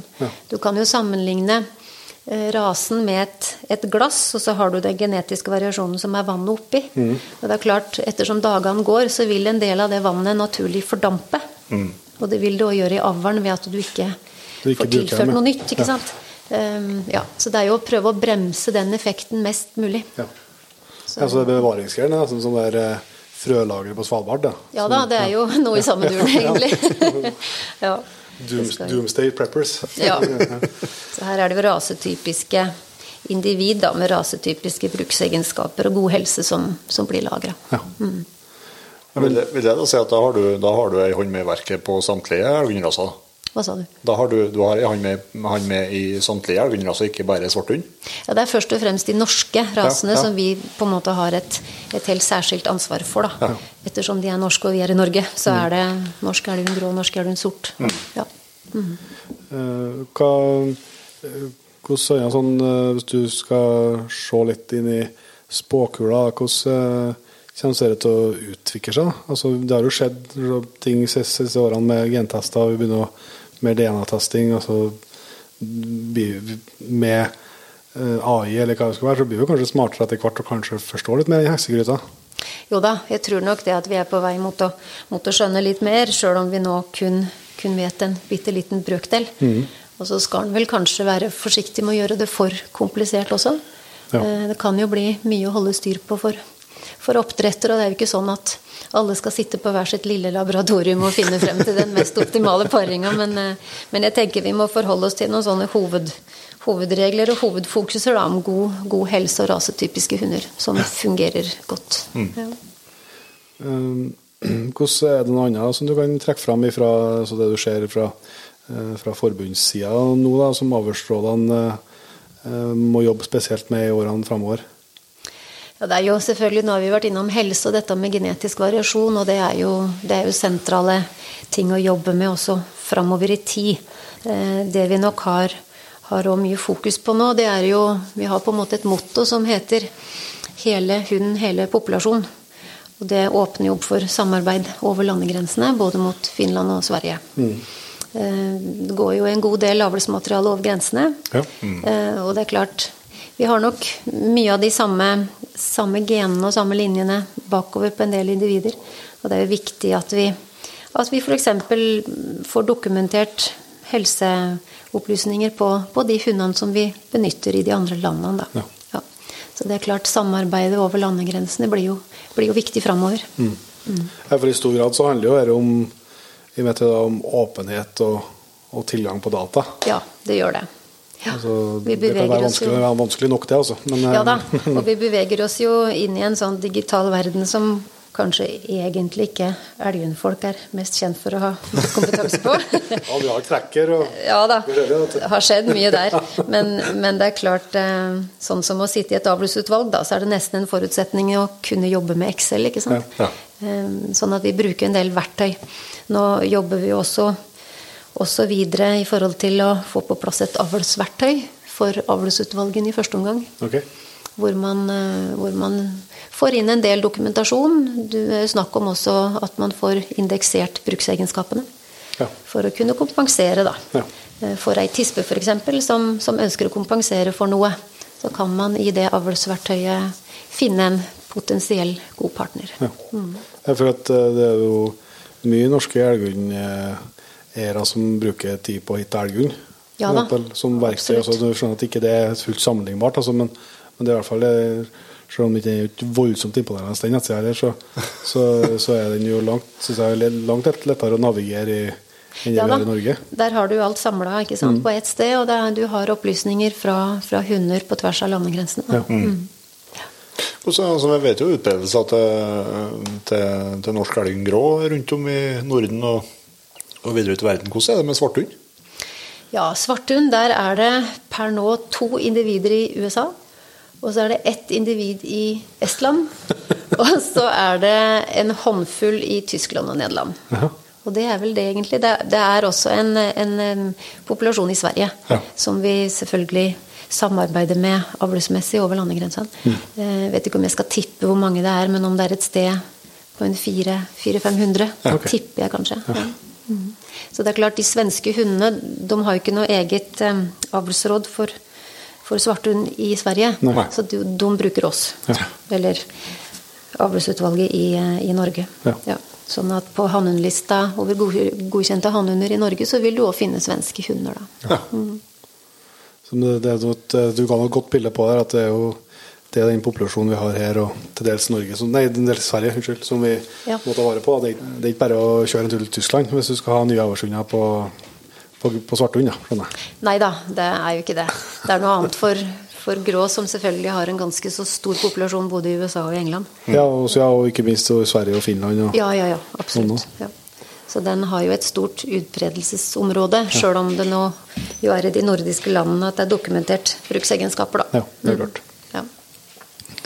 Eh, vi skal vi kan se litt om det kanskje før vi eh, går om Du, sa jo at eh, det var mor og datter her, så jeg vil si at det har vært en avl her i huset. er Hvordan det å skal avle sjøl når du liksom sitter i avlsrådet og skal fortelle andre hvordan de skal avle? Det må være litt skummelt, eller? Jo da, du må jo passe på ikke trå feil, da. Gjør noe galt. Nei da, jeg tror hvis man, hvis man følger de anbefalingene som er satt av, av avlsrådet, så, så er man, da har man på en måte gjort det man kan for å sikre, sikre, gode valper for nye valpekjøpere. Eh, Jeg har jo vært opptatt av helse spesielt. Så, mm, og det er klart Når en skal velge, velge en partner til tispa si, så må en jo kanskje være klar over hva en vil kompensere for. Mm. Det er jo lettest å kompensere for det det er høye arvegrader på. Det er jo utseendet, altså eksteriør. Det er det høye arvegrader på, så det får du liksom lett snudd om. Ja. Eh, Men ellers jaktmessig så, så har jeg vel vært ute etter hunder som har på en måte er er konstruert godt mentalt, som, eh, som har en ro i skogen. Jeg tror jaktlyst, det, det har vi vel snart vel og godt med. Jeg tror ikke det er noe problem. Men eh, det, det er litt den herre preginga at de, de må være mulig å prege, da. Form, formbar, liksom. ja. Må, ja. Og svarthunden er jo, den er jo lett å prege. Den er lett å, lett å forme. Derfor så er det på mange måter heller ingen nybegynnerhund. For du kan lett trå feil, da. Ja. Ja. Og så er det jo, som man vet om, at det tar mange repetisjoner å korrigere det. Har du hatt flere kull sjøl? Jeg har hatt fire kull. Ja. Ja. Så det har vært stor spenning rundt valpekassa. Og så er det jo det som er si, veldig unikt da, med, med bannhund kontra kanskje løshund. At det er jo uh, veldig mange av klubbene som har egne bannhundkurs. Både på, på våren og sommerhalvåret. Og, Absolutt. Jeg har jo, har jo fått gleden av å være med å holde, holde bannhundkurs i, i Hedmark sjøl. Og det, det er alltid, alltid spennende å møte nye bannhundentusiaster. Og få være med ute i skogen og, og dele av den kompetansen eller kunnskapen du har. Mm. Er en heldig, så får en også senka terskelen for å starte på jaktprøve. Så Ja. vi har en del av dem som har meldt opp til prøve. ja. Så bra. Så det er, det er Jeg bare kom på et eh, avhørsspørsmål. Du sa altså at det er eksteriørt, eh, og det er altså at det er arbeidbart. Men du- så det mentale, tror du eh, sånn fra et avhørsrådsperspektiv har man ville hatt eh, mentaltesting i en form inn i, inn i databasen som noe man ville gjort vurderinger på? Jeg tror at mentaltesting da, i den form som det, som det gjøres i dag på utstilling, det, det er ikke sikkert det er tilstrekkelig da, hvis man tenker man skal bruke det, bruke det inn i, inn i avlen. Men det er klart man tar jo høyde for det i dag. Mm. Det er jo det vi får sett på. På utstillingen? liksom vi har, ja.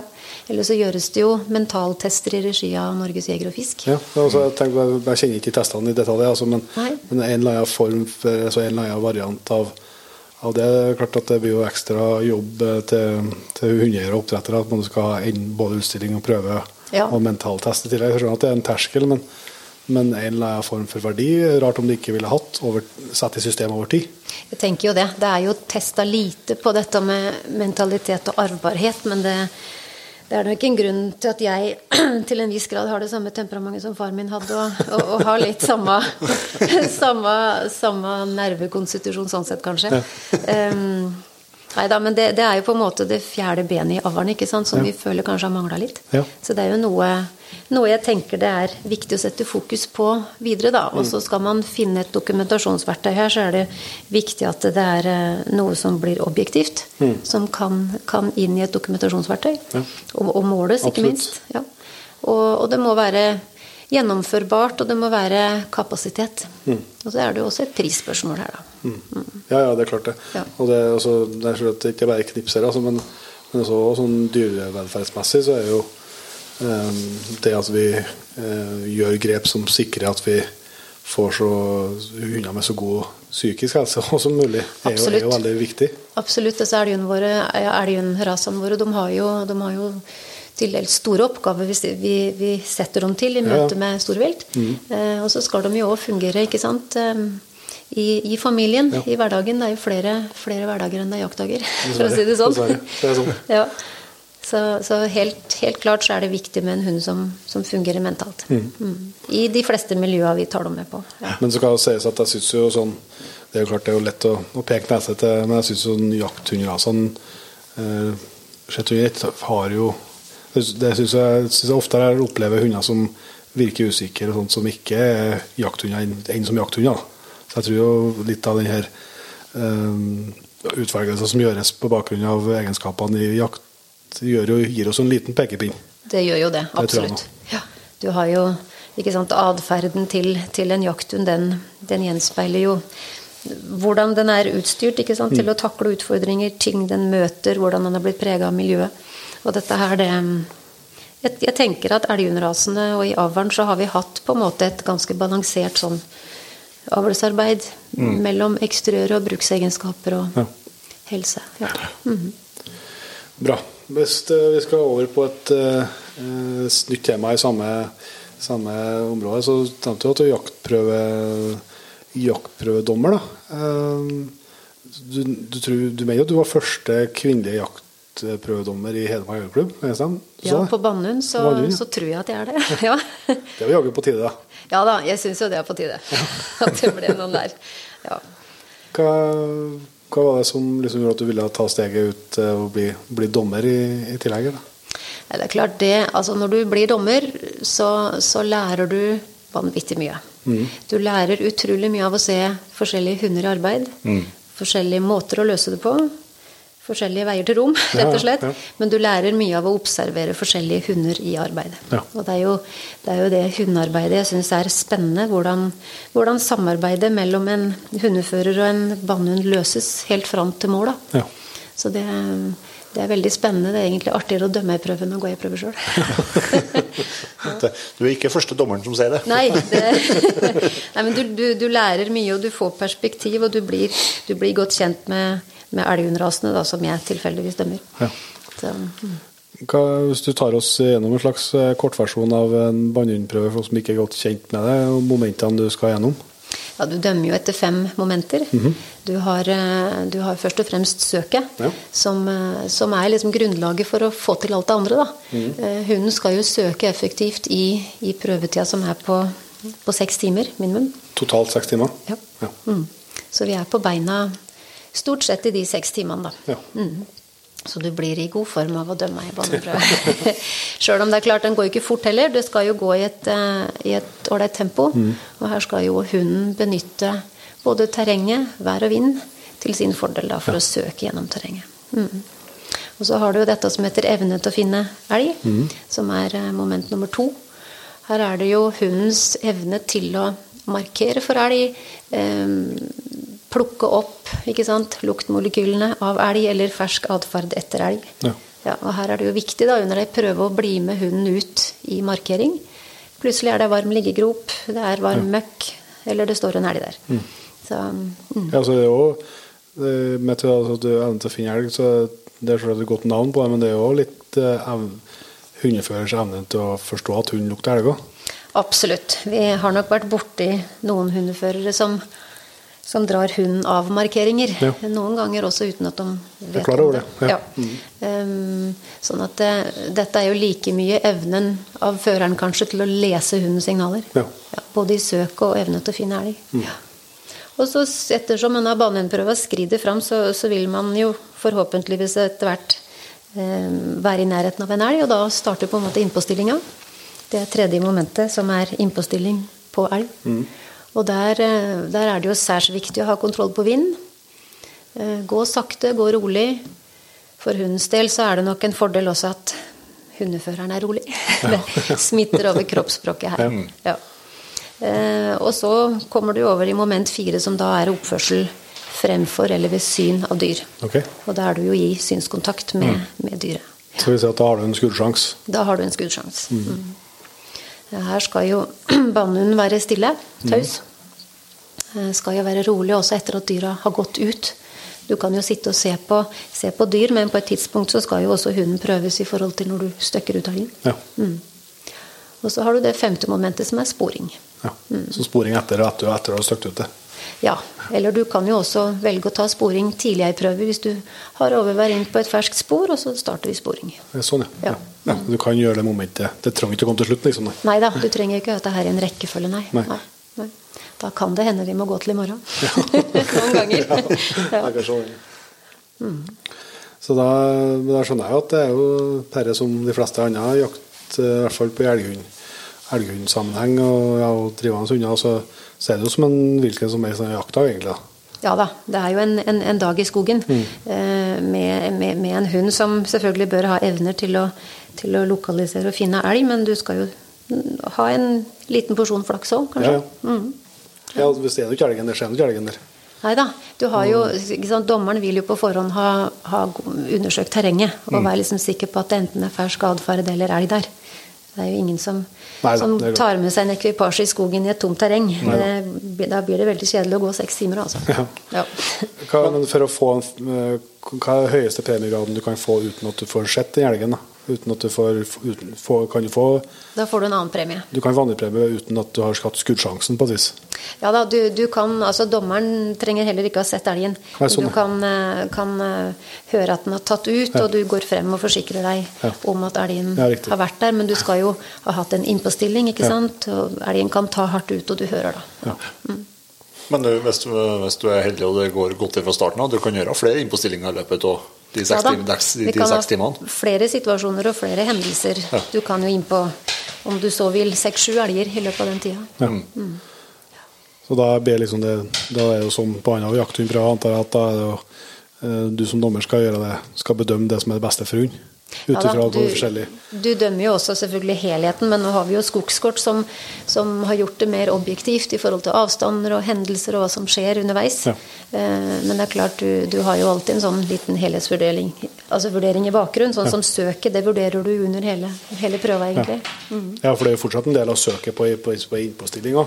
Så jeg- altså, du har jo på en måte, du har, skjønt at du kan se, argumentere for at du har Du søker jo fortsatt etter den elgen. Jo da, du, du søker deg jo frem i ei innpåstilling Ja. til dyret. Hunden skal jo på en måte kunne peke ut dyret, ikke sant. For uh, ja, først og fremst på, på lukt, men, men noen ganger går det over på hørsel. Ja. Mm. Så du kan jo ha innpåstillinger på, på gode avstander på hørsel, rett og slett. Mm. Og da, hva er det Hvordan eh, på vis eh, feiler i prøvesammenheng er utilgivelig? Det er på spissen. Altså, hva, hva er det som du virkelig kan rykke på Ja, det er jo losing, da. Eller halsing av hunden. Ja. i, i, innpåstilling på de? Ja, innpåstilling fremfor dyr. Eh, Hvis det kommer på fersk atferd og, og, og loser, så er det på en måte ja, No go. Ja da. Um, Du, du ser jo selvfølgelig Dette blir jo et skjønn, ikke sant. Har du rovdyr i terrenget og bikkja loser eller reagerer på det, så er det litt skjønn Ja. også i forhold til unge hunder, da. Ja. Men, eh, men um, halsing er i utgangspunktet diskvalifiserende, ja. Mm. Og det er jo en vurdering dommeren tar der og da i skogen. klart det. Ja. Har vi kommet oss dit om dette med våre hunder, så i hvert fall røkke da. Ja.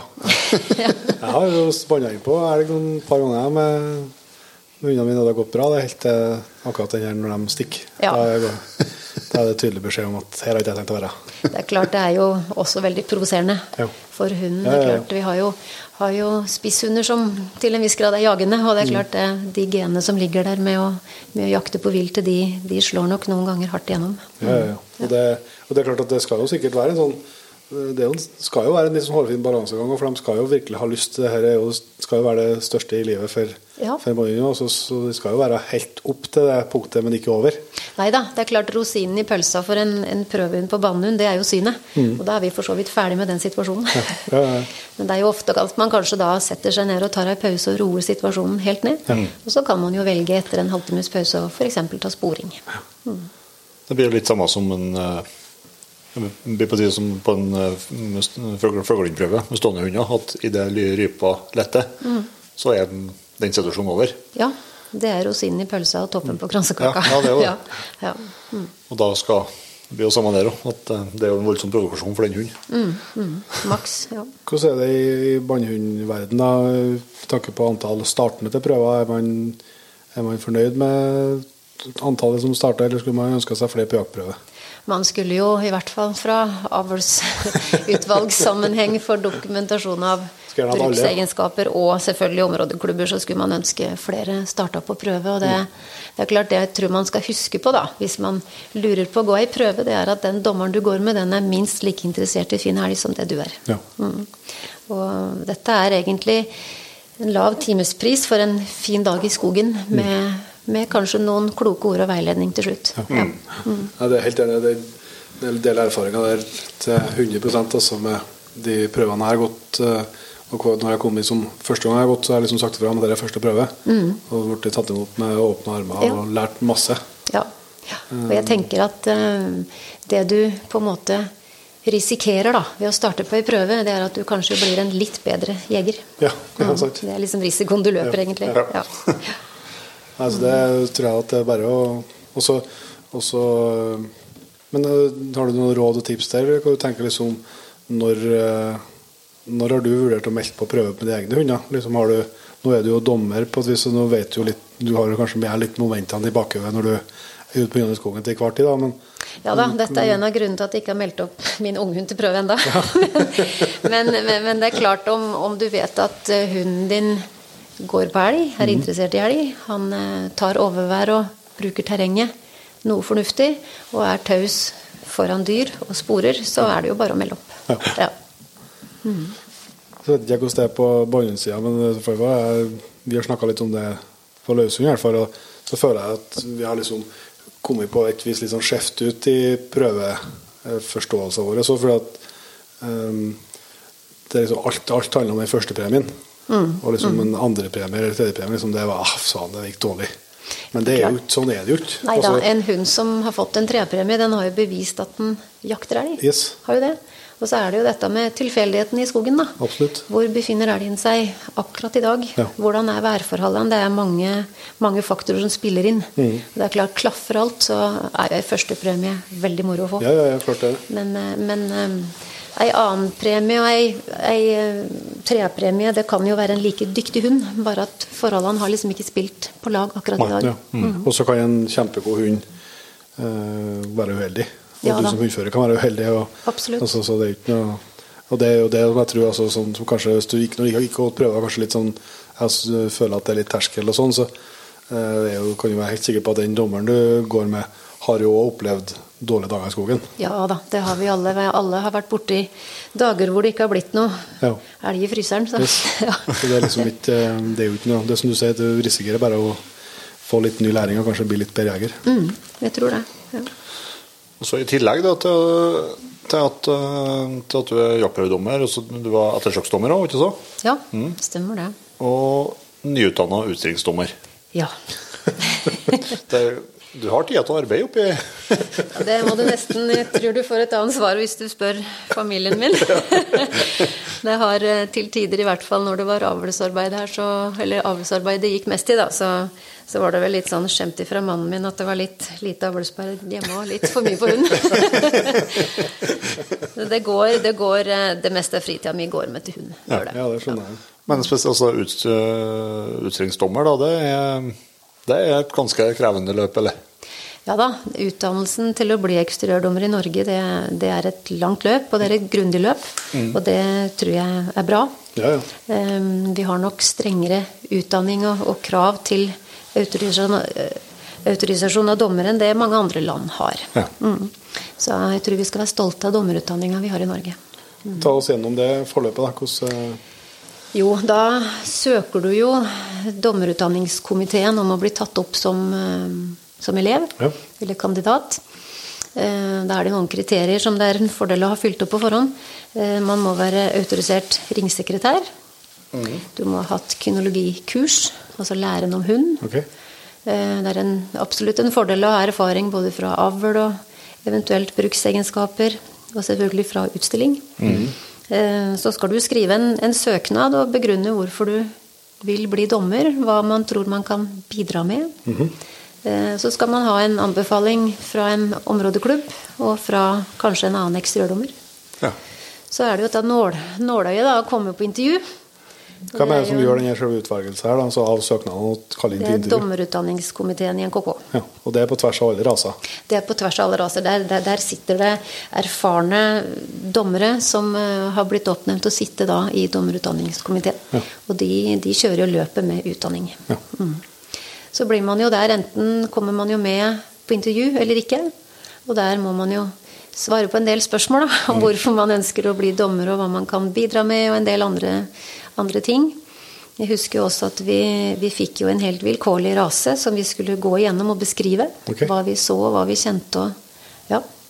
Så det er en fordel å ha lest eh, kompendiene på anatomi på forhånd. Hvilken rase fikk du? Jeg fikk mops. ja, så det var, eh, det, det, ja, det var noe krøllhale, men ellers så var det litt ulikt elgen. ja. Så får du en tilbakemelding etter hvert da, om du kommer med eller ikke. Ja. Og da starter det jo med noen samlinger på helg. Mm -hmm. Hvor det er teori og praksis. På, på, ikke på ekte utstillinger, men på, på rene, rene kurs, eller? Ja da, egne kurs som, ja. som en samling med, med da dommerutdanningskomiteen og andre elever. Vi var vel en jeg tror vi var en 22 som begynte i Norge. Ja. Ehm, så da får du jo Det er mange temaer man er innom der. Ehm, og så blir du jo evaluert gjennom disse samlingene. Og du skal jo også skrive ei oppgave om din egen rase, da. Ehm, ja. Så det, det, har noe, ja, det gikk noe greit gjennom det løpet der. Og så starter man jo på den praktiske biten. Da skal man først gjennom en praktisk eksamen. Okay. eh, Hvor du skal beskrive og bedømme en tre-fire-fem hunder fra, fra dine raser. Og så får du også en fire-fem helt vilkårlige raser som du bare skal beskrive. Og da skal du bare beskrive hund som hund. Ja. Kroppsform og pels og hvordan ørene er, hvordan hodet er, hvordan form på alt. Ja. Består du den, så starter det praktiske arbeidet med elevarbeider. Eh, Da skal du ha et gitt antall for hver av elghundrasene. Og så, når du har fått godkjent elevarbeider, så starter du på aspirantarbeider. Og da gjør du sjølstendige vurderinger, premieringer og skriver kritikker. Okay. Og det må jo sammenfalle innen rimelighetens grenser med, med dommeren sine vurderinger. Ja. Hvordan, eh, hvordan vurderes det, da, dem opp imot hverandre? Er det den dommeren som, som leser ditt arbeid, da, vurderer Jo da, den, den vurderer det. Den vurderer også kunnskapen du har om, om rasen, om anatomi, om eh, opptreden i ringen. Ja, disse tinga her. Og så skal vi jo sende inn godkjenningsdokumentet godkjenningsdokumenter fra dommeren sammen med kritikken vi har skrevet til DUK. Og så går DUK gjennom kritikken og ser at vi har sett noenlunde det samme som, som dommeren. da. Steike, da. Jo da, så det har blitt i overkant av en 600 hunder jeg har hatt i hende da, i den tida her. Ja. For å bli ferdig utdanna? Ja. Og det er noe, noe nylig. ja da, jeg ble vel ferdig autorisert eh, i slutten på juli. Ja. Og da er det for alle, sek, eh, alle, Alle ni. alle ni elgrasene. Ja. Mm. det. Ja, det er imponerende. Jeg skjønner at du må ha skikkelig lyst, ja. Hvis du skal komme Jo da, du skal jo være motivert for det her. Du skal det. Ja. Ja. Jeg så på meg det var et brevkurs her. Jeg skjønner at det er ikke sånn, da. Nei da, du du skal ha litt kunnskap til både hund og, og rase. Og, og selvfølgelig også personlig egnethet kommer jo også opp i det her, da. Ja, ja, ja. Ja, for det- ja, du skal jo tørre å du skal jo stå framom mange, og noen blir jo glad, og noen blir jo lei seg, og noen blir forbanna. Og... Ja da, vi gjør det. Men det er klart, det er rart med det her. Etter hvert i, i dette utdanningsløpet så får en mer og mer pels. Så det, det preller vel forhåpentligvis av, da. Disse tinga her. Men jeg eh, syns jo vi har blitt møtt helt utrolig av områdeklubber og utstillere og hundeeiere altså, i denne perioden her. Ja. Det er jo ganske merkelig at det skal være så altså, trangt et nåløye på å komme gjennom. Da, for at jeg syns titt ofte hører om at det er vanskelig å, å få tak i dommere. Ja da, det er, men vi har en god del dommere som er autorisert på elgunderasene. Altså det, vi snakker om over 40 dommere. Eh, og så er det jo er det jo viktig å bruke disse her. Da. Skal de, altså kunnskap og bedømming, det er ferskvare. Ja. Så da må Det kan ikke være for mange der, nei. Hva sa du? Det kan ikke være for mange dommere heller, for da blir det for hver enkelt dommer får sett for lite hunder igjen. Sånn Ja til, til enhver tid, liksom. Så det er en balansegang. Helt klart. Vi ser jo det at det er jo eh, mange av de elgundommerne som kommer fra elgundmiljø, de brukes jo på elghunutstillinger. Men eh, områdeklubbene er jo flinke til å bruke dommere fra andre, andre hundemiljøer, da. Eller rasemiljøer. Hvordan er det et, eh, et eh, spørsmål som dukker opp i hodet mitt? da, Når, du har, når jeg ser en hund, så tenker jeg det var en fin, det var en fin hund. Eller ja, det var en fin jentehund, eller det var en fin gråhund. Og så tenker jeg nei, den synes jeg var så fin.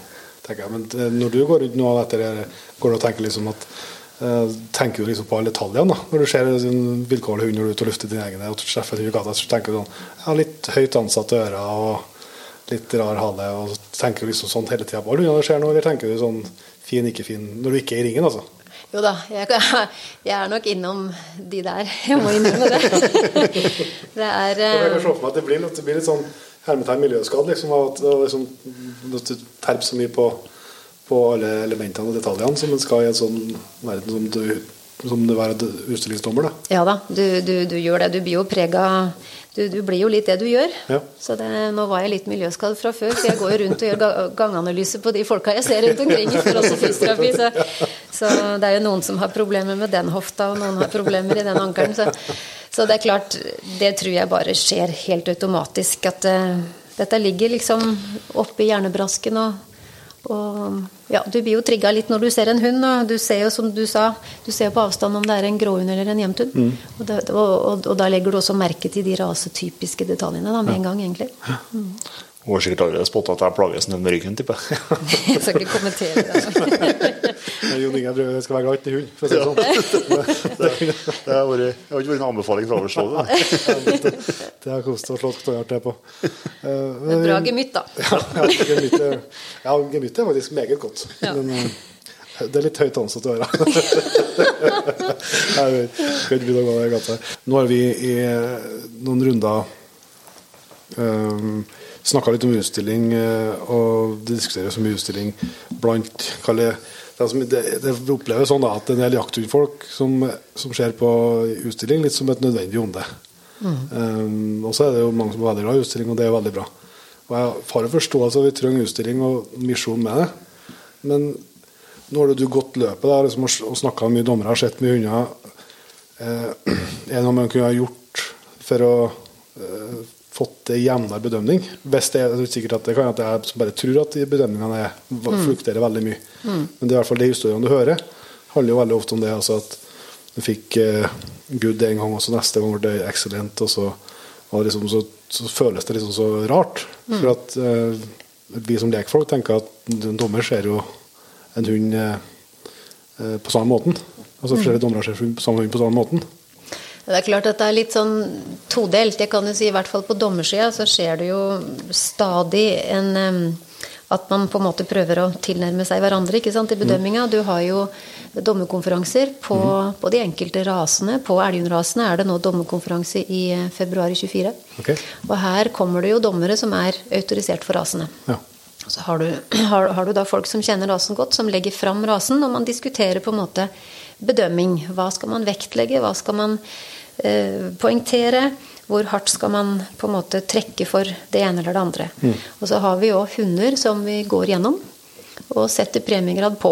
Og så argumenterer man jo hvorfor man setter det ene eller det andre og prøver å tilnærme seg en Ja. lik bedømming. Da. Man dømmer ut ifra rasestandarden, som, som for så vidt kanskje er ganske rund. Og så er det jo fortolkninger av den. Men du har jo dommerkompendiene som, som eh, spesifiserer mer nøyaktig hvordan du vekter de forskjellige tinga, og ja. hva, ja, hva som trekker ned og ikke. Ja. Men vi snakka jo litt tidligere her om dette med, med måling. ja. Det, det, det har vært et hett tema i redaksjonen. Ja. Det er klart, da vil jeg kanskje anbefale å, å mm, få, få et målebrev. Ja. Da har du et, et objektivt, standardisert mål som, som dommeren kan forholde seg til. Og det korter jo også ned på tida. I ringen, ja. Ja. Ehm, nå er det sånn at hunder de har en skjelettdel som Eller altså, de mangler en skjelettdel som vi har. Okay. Uh, Hunder de har ikke kragebein. Eh, Derfor så har de heller ingen skjelettforbindelse mellom brystkasse og skulder. Ah. Og det som da gjør at skuldra sitter inntil brystkassa, det er jo muskler og sener og hinner og leddbånd. Ja.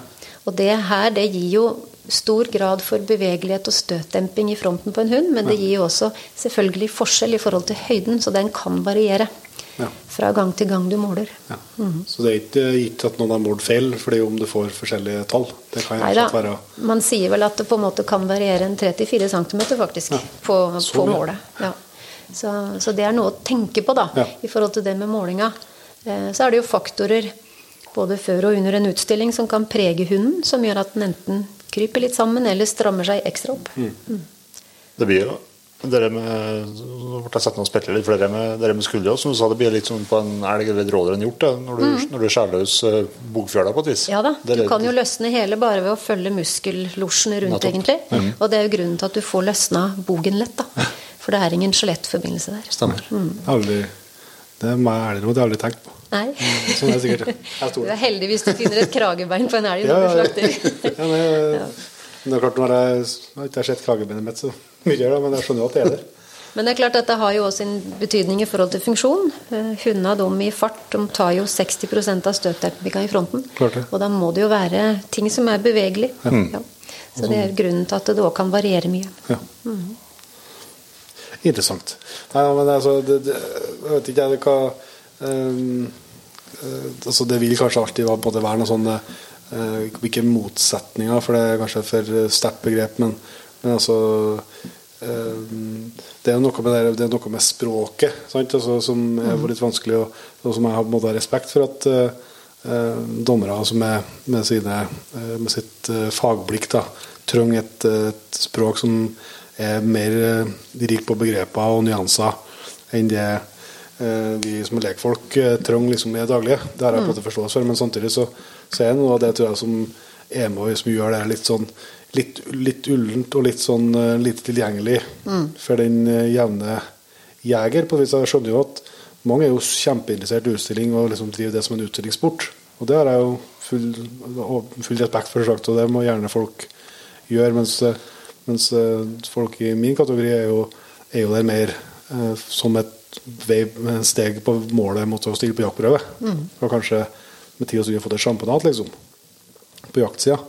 Og da Jeg tror det er der som er litt Jeg tror det er skoen trykker litt. Ja. Mm.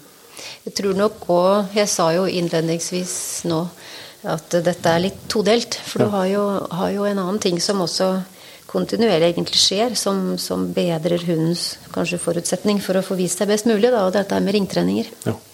Og ringtreninger, det, det er egentlig kontakttrening med hund. Det er timing, det er lineføring med å gå, gå pent i bånd.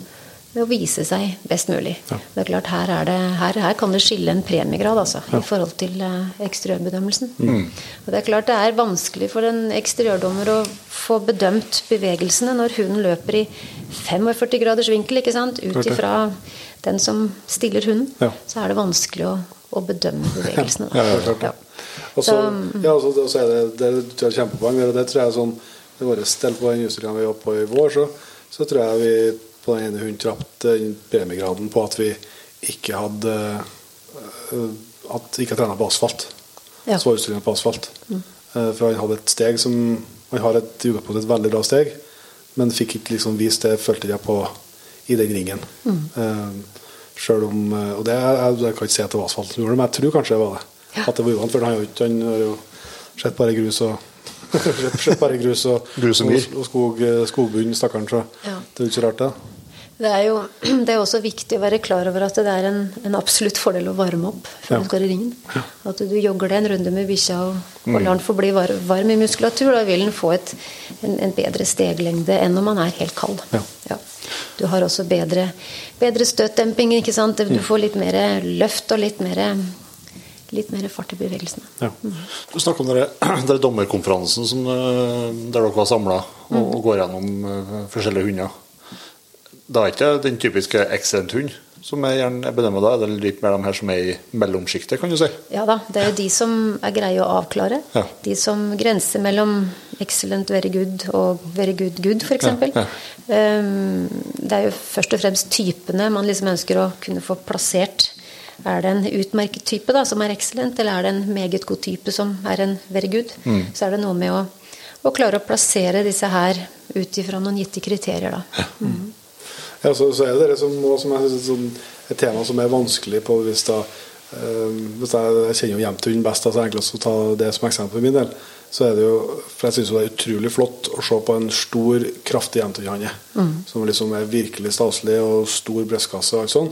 Samtidig så er det ikke den hunden jeg har lyst til å ha sjøl over tid. Fordi at det, både at det er en tung hund liksom, i snø og sånt, men, men også at jeg synes jeg ser et mønster at de fortere får belastningsskader og, og blir litt treg og tung at de er store og, store i utgangspunktet. Da. Så i utgangspunktet så vil jeg jo ha en hund som er lettere, hvis du skjønner meg.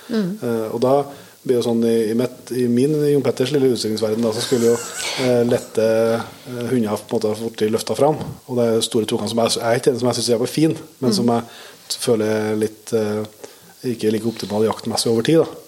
Um, skulle vel trekke litt ned. Eh, og hvordan, vurderer eh, Begge er jo innenfor rasestandarden. Altså, Ja så, men, mens, eh, så det blir jo liksom en vurdering som dommeren må, må det gjøre på der og da, og, og, som, og kanskje vil tilegne seg en stil over tid. Da, at du prefererer det framfor det, fordi at det du tenker er bra for, for rasen eller for individet. Du går jo inn ikke sant, eh, i, i bedømmelsen med et idealbilde av rasen. Og så er det jo hvorvidt dette her beveger seg langt utafor eller er innafor det idealbildet som gjør at om ja, som, som tilsier hvor du havner da, i forhold til premiegrad. Eh, på, på Jemtun så har du dette uttrykket i, i Sverige som heter spindelapor, som er lette. Ja. Ja, lette hjemtunder. Og det er, klart når du, det er klart Hvis hunder stadig blir lettere og lettere, så skjer det en del andre ting i den kroppen. Ja. Du får en litt eh, lettere benstamme. Du får ofte litt smalere brystkasse. Du får en brystkasse som kanskje ikke når ned til albuene, som de skal gjøre. Bunnen på brystkassa. Og da begynner vi å snakke litt om kapasiteten i forhold til i fart. ikke sant? Dette her med eh, luftutveksling, oksygenering av, av, av kroppen. da. Kapasiteten i, i hunden. Og så selvfølgelig skal de jo ha en benstamme som skal bære muskulatur, som skal tåle, tåle arbeidsbelastningen da, som de har. Ehm, Det man jo ser, eller det man også er veldig opptatt av, det er jo det som skal bære hundene gjennom livet, og det er poter. Ja. Uh, og jeg tror nok det for noen raser så skal man være litt obs på dette med flate poter. Ja. De blir uh, mer utsatte for skader og slitasje under arbeid enn det de som har knytta og samla poter. Da. Ja. Sånn at man skal være litt sånn obs på hva man kanskje kan dra med seg av andre eksteriøre ting da, som har konsekvens for bruksegenskapene, faktisk. Det skjer når jeg møter ting som jeg tenkte var veldig enkelt avklart. Ja. Det viser seg å være mer sammensatt. Og... Det kan gjøre det ganske komplisert. Ja, ja, det, men, Ja. men, så, men sånn er det jo. Så, så, vi har jo sagt, altså, det er bare, du- bare sånn aha-opplevelse min. Sant? Fordi at, eh, Mm. Sånn tenker jeg jo Vi har sagt det i mange tilfeller. Altså, altså når jeg var 18 år og, og jakta, så da følte jeg jeg kunne det meste om det jakta og hvordan det foregikk. Og det virka ganske svart-hvitt og enkelt. Mm. Jo da, det er lettest jeg- for en sjøl, det, å gjøre ja, det. Ja. Mm. Men, nå, nå føler jeg jeg kan mye mindre. Mm. Selv om jeg skjønner at jeg objektivt sett kan mer, så føler jeg at jeg, og, så, og sånn er det jo. Så dess mer du går inn i det, dess mer sammensatt blir jo bildet. Og, og uklarere liksom for meg er det enkelt å si at ja, det er sånn, det er ikke sånn. Men så skjønner jeg jo når jeg snakker med deg, at det, det er faktisk flere hensyn å ta. Alt har, jo, alt har jo nyanser, og så tenker jeg at mye har en konsekvens. Mm. Sånn at det være klar over det. Ja. Ha med seg det. Når vi, når vi først er inn på, inn på Jamtun, så er det en annen ting som han og Petter har diskutert når vi har stått eh, ringside eh, på utstilling, det er jo det med, altså med, med farger. Altså fargesammensetninga. Det er ganske stor forskjell på jenta der òg. En, en som er kan, forholdsvis eh, svart, kontra en som er lys. da. Mm. Det, ja, det, ja det er jo det. Vi, Det, det er det kanskje på, på, på gråhund, ja. Ja, På gråhund også skal du jo Du ønsker jo å ha denne her karakteristiske maska og mørke ører. Du skal jo ha et tydelig selemerke. Eh, klart det, i, forhold til dette med farger og pels, så henger det i hop. Um, har nok noen individer på, på grå da, som begynner å se lyse ut. Og så er det sånn at gråhund den har et fargegen som gjør at dekkhårene de er i to farger. Den innerste delen av dekkhåret er lyst, og det ytterste er mørkt. Det er dette som gjør at valper er mørke når de er født, for da har ikke hele lengden på håret kommet ennå. Sånn. Um, og så har du jo dette med farger. Det, det gjenspeiler jo konsentrasjonen av dekorene, og lengden på dekorene. Ja. Så vi ser jo det på de hundene som i hvert fall en del av de hundene som ser lyse ut. Så får man jo en følelse av at det er litt lite dekor Ja. i de hundene. Og dette kan man jo tenke er vakkert eller ikke, men det har jo en helt klar sammenheng funksjonsmessig. Hundene skal jo ha en dekkpels som har god struktur, for de skal jo ikke bli våte i underrulla. Nei. Men det er klart, de som har kort dekkpels og lite dekkhår, de får våt underrull. Og utsatt for våteksem og Ja. sånne ting. Og selvfølgelig nedkjøling da, Ja. når det er kaldt og regn og de blir gjennombløte. Ja. Så det skal man tenke litt på. Det er ikke bare skjønnhet vi bedømmer når Nei, vi ser på farger og pels heller. Det er, det er rett og slett funksjon. Ja. Spennende. Men vi kan jo ikke kjøre helt til Åmot, eh, Camilla, bare for å snakke om avl og utstilling og prøver. Vi må jo snakke om det vi kalte rosinen i pølsa i stad. Selve jakta det nærmer seg nå. Vi er jo i, i snart i midten på august. Eh, Hva er det som har gjort liksom, at du har landa på bannhundjakta som din, din favoritt? Det er nok eh, interessene for selve hundearbeidet, hundens signaler og, og samspillet du får med en bannhund, da, som når du har hatt en hund en stund, så kjenner du den bikkja så godt som din egen bukselomme. Og det er nesten, nesten så du kan lure på om det er tankeoverføring noen ganger. Eh, I skogen så skjønner de jo at nei, jeg skal ikke over kvisthaugen, jeg går rundt, for det, det skal man gjøre. Jeg går her, jeg går der. Det er liksom, og det er nesten sånn som jeg har tenkt fram på forhånd. Ja. At eh, når du møter hindringer og sånn, så, så blir det et samspill på hvordan man løser det. Og det er jo hundearbeidet som, som nok trigger meg mer i dag da, enn sjølve jaktopplevelsen. Jeg kan fint, eh, fint stille inne på et dyr i jakta og ikke skyte. Har eh, hundearbeidet vært supert fram, så er det like stort for meg da, som å løsne det skuddet. Mm. Men i forhold til eh, hvorfor jeg havna på, på Bannhund Jeg hadde jo kjøpte meg ei jentehundtispe eh, på Gjøvik, som jeg sa. Og det er klart, jeg har vel etter hvert skjønt det at jeg kanskje ikke har mage eller hue til å ha en løshund som kan risikere å få juling i skogen, som blir ute hele natta, litt sånn i ulveland og ja. Nei, men Det er lett å forstå, eh, forstå det. Altså, når du har hatt den opplevelsen, så det er lett å forstå at, liksom, Mm. at altså, du ser klumpen i magen blir litt for stor til at det er verdt det. Så kan jeg på en måte avslutte jakta akkurat når jeg vil. Og jeg har alltid hund dagen etter. Ja, det- er liksom et, et pluss i tillegg, da. Men eh, Ja, For det, ja, det er det vi har snakka om liksom, eh, etter hvert som vi har vært hjem til, hjem til ganske mange jegere. og Løshundjegerne har en tendens til at de har, har ganske mye hunder, og har hatt veldig mye hunder. Mm. For at de, de må ha det, skal de, skal de jakte så mange dager som de vil. Ja. Mens, mens bandhundjegere det er jo gjerne at da er det en del mindre antall hunder i løpet av Ja. et visst antall år. da. Og mange har nok, har nok to, for det er klart to hunder har veldig glede av hverandre. Og, Mm. og dette her i lek og utfoldelse, det får du på en måte ikke matcha med trening. da. Nei. Det de gjør springende løs i hagen, eller det, det har stor verdi da, Mm. for treninga. Så er det jo trivelig, trivelig å ha to. Ja. Uh, Når er du uh, starta på vis med dine hunder, sånn preginga på, på elg og liksom jobbveien mot å, mot å få til en fungerende bannhund? Ja. Dette har jo på en måte flere ledd og, og, og faser, da. Det er klart, Når jeg har hatt valpekull her hjemme, så har jo de, de valpene når de reiser herfra, de har jo da lukta på en elgskank. Eh, fått smakt og lukta på den og drevet med den. De har vært i skogen, blitt på en måte litt skogsvante, kanskje vært borti noe elgmøkk og blitt trygge i skogen. Eh, når jeg hadde mye tispe som jeg kjøpte fra en annen oppdretter, da, så, så starta jeg vel med litt sånne korte, korte slepespor kanskje i hagen eh, ved en tre-fire måneders alder. Dette her er det vanskelig å gi noe sånn fasitsvar på. Dette er individer, og de er modne til forskjellig tid.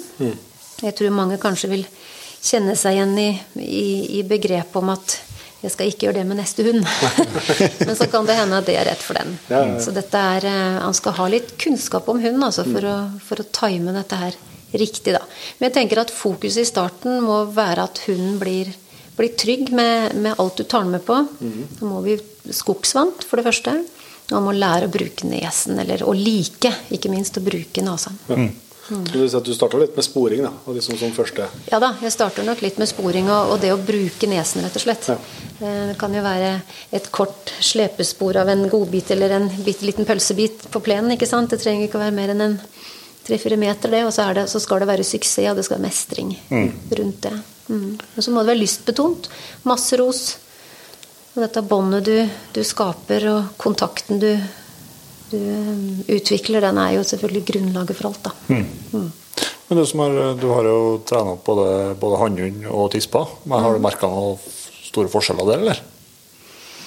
Det er klart hannhunden er, er større. Ja. Kraftigere. Eh, har vel litt sånn løpet i hele året. Ja. Tispa har jo løpet i to ganger i året, men det er jo individuelt her òg, fra tispe til tispe, hvor prega de blir. Den tispa jeg nå har som er ti år, hun, hun har jeg på en måte kunne, kunne bruke gjennom løpetida. Ja.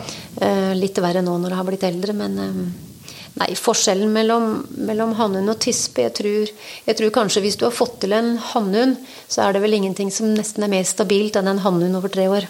Som jakthund, da. Eh, Men eh, har du det her Du er ettersøks- eller blodspordommer. mm. Har du introdusert blodet og blodsporet liksom tidlig i den sporingstilvenninga? Eller drar du elgfota og sånt, eller? Både ja og nei. Jeg hadde fokus på det her med første hund, så da gjorde vi ferdig blodspordelen tidligst. Prøvde å koble sammen blod, blodlukta med, med noe positivt, som de allerede har vært borti. Eh, Kunne jo også bruke elgskanken på en måte å overføre lysta til å bruke nesa over til blod. Ja. Ved å kombinere det og så sakte ta bort elglukta. Mm. Med tispa så hadde jeg ikke samme fokuset, så der ble det jo bannhundprøve og ferskspor først, og så ble det blodspor etterpå. det funka for så vidt, det òg.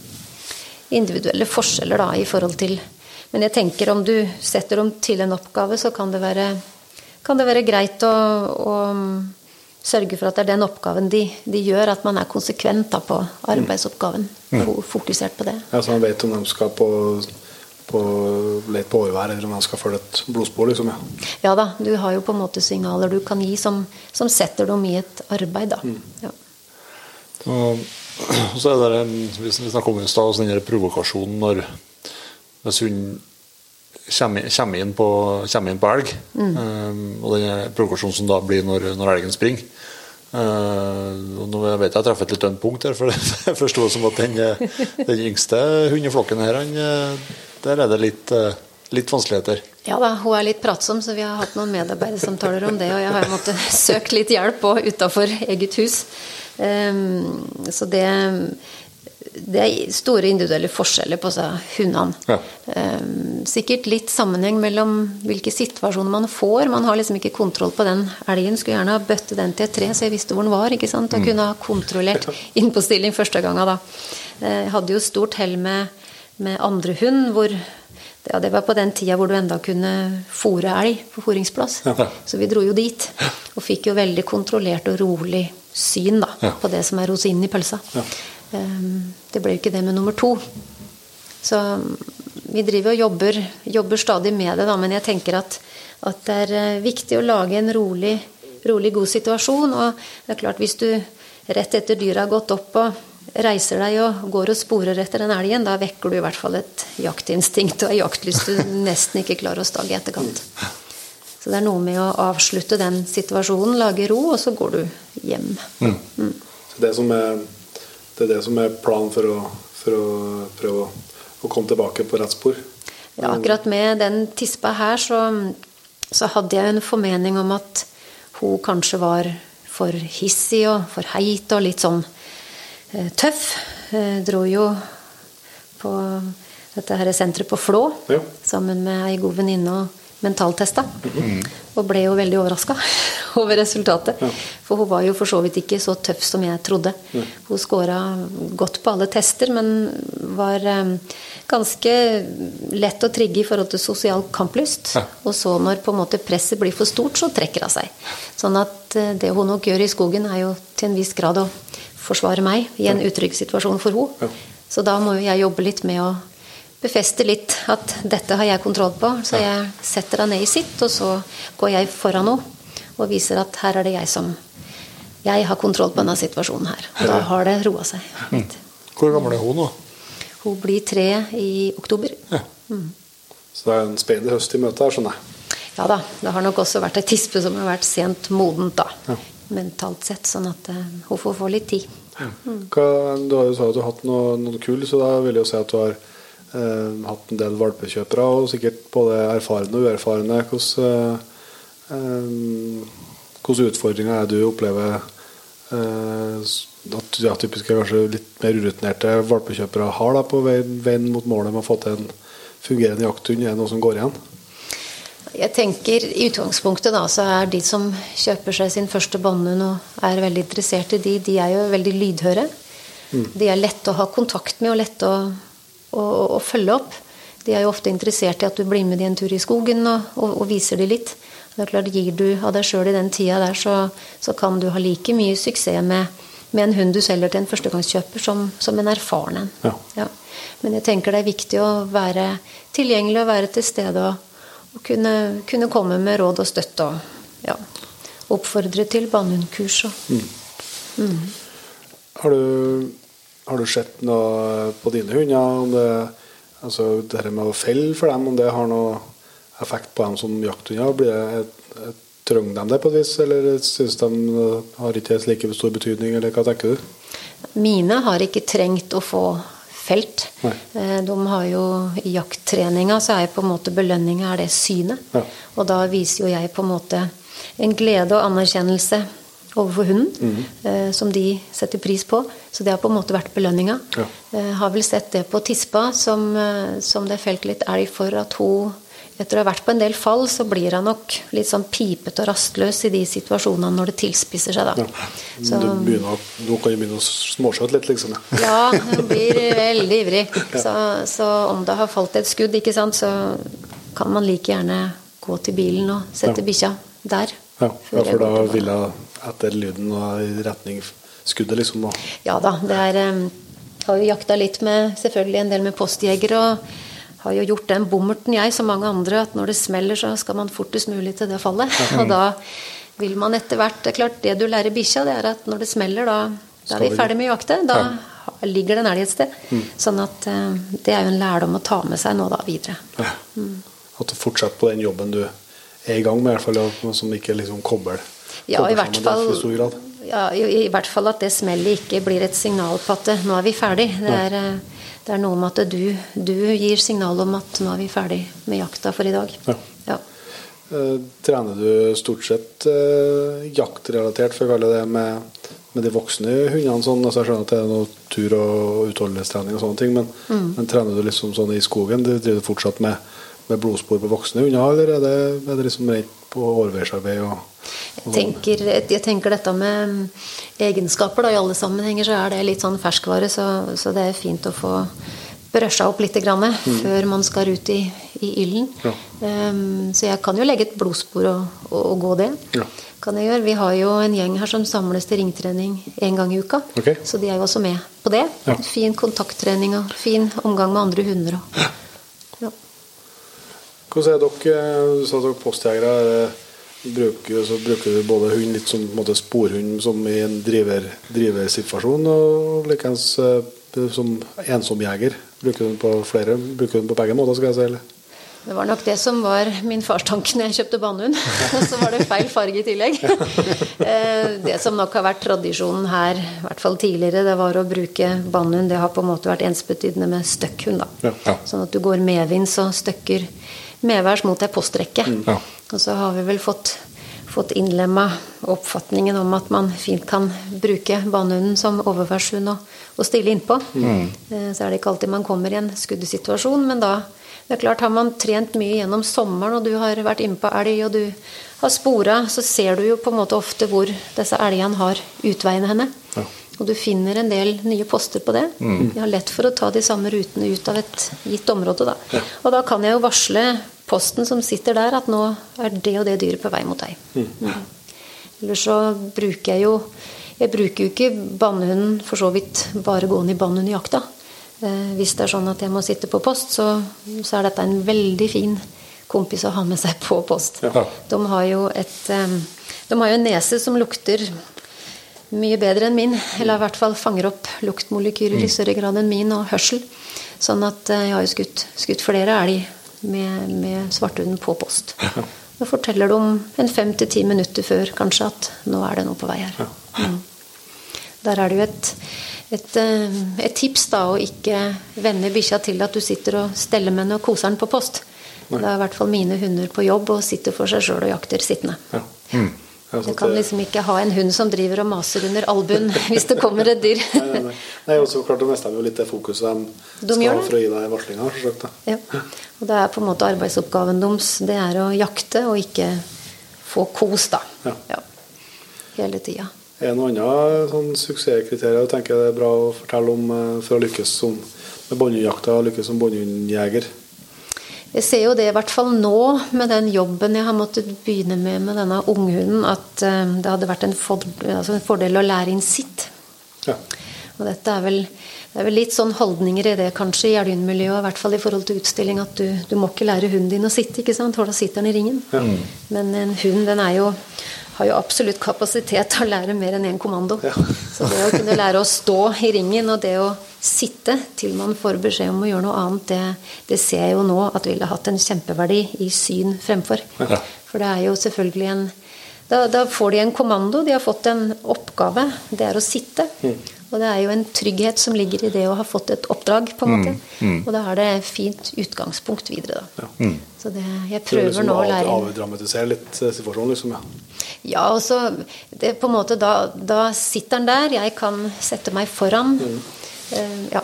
Så jeg, jeg tror nok det på, på neste hund så skal jeg lære den hunden å sitte på kommando. Det tenkte jeg på når du, snakka om eh, banneinnprøven og, og momentene deres. da, altså, Er det noe man vurderer som dommer, altså hvor enkelt det er å lese en hund? Jo da, du, du har jo hunder som i større og mindre grad er, er lett å lese. Og svarthunden er nok kanskje i utgangspunktet ikke så lett å lese som f.eks. en grå.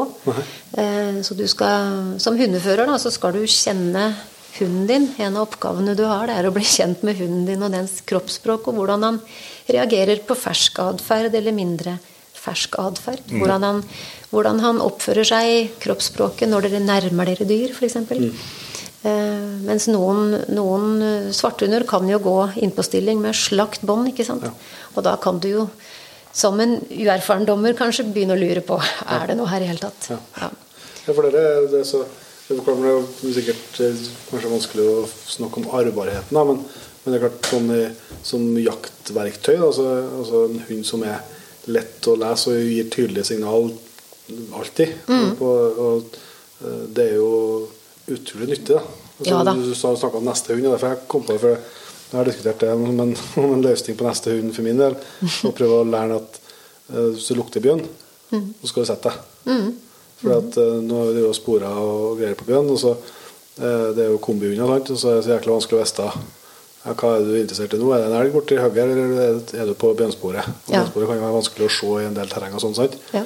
Så hvis jeg da liksom har hvis jeg lærer hunden min at fra han er valp, hver gang han får lukte bjørn, så skal rumpa ned. Og så er det bra. Og, Og det er en fin inngang da, å lære dem i forhold til det å koble det til lukt. For det er klart, hunder med en så utprega luktesans, de hukommelse og lukt hos hund, det er jo kobla nært i hop, altså. Så, så det er ingen dum tanke, det. Nei, for da ser jeg for meg at altså, Jeg har jo hatt et, sånn uh, dårlig idé, har jeg innsett etterpå, at jeg drev og fått hundene mine til å sette seg før jeg slapp dem.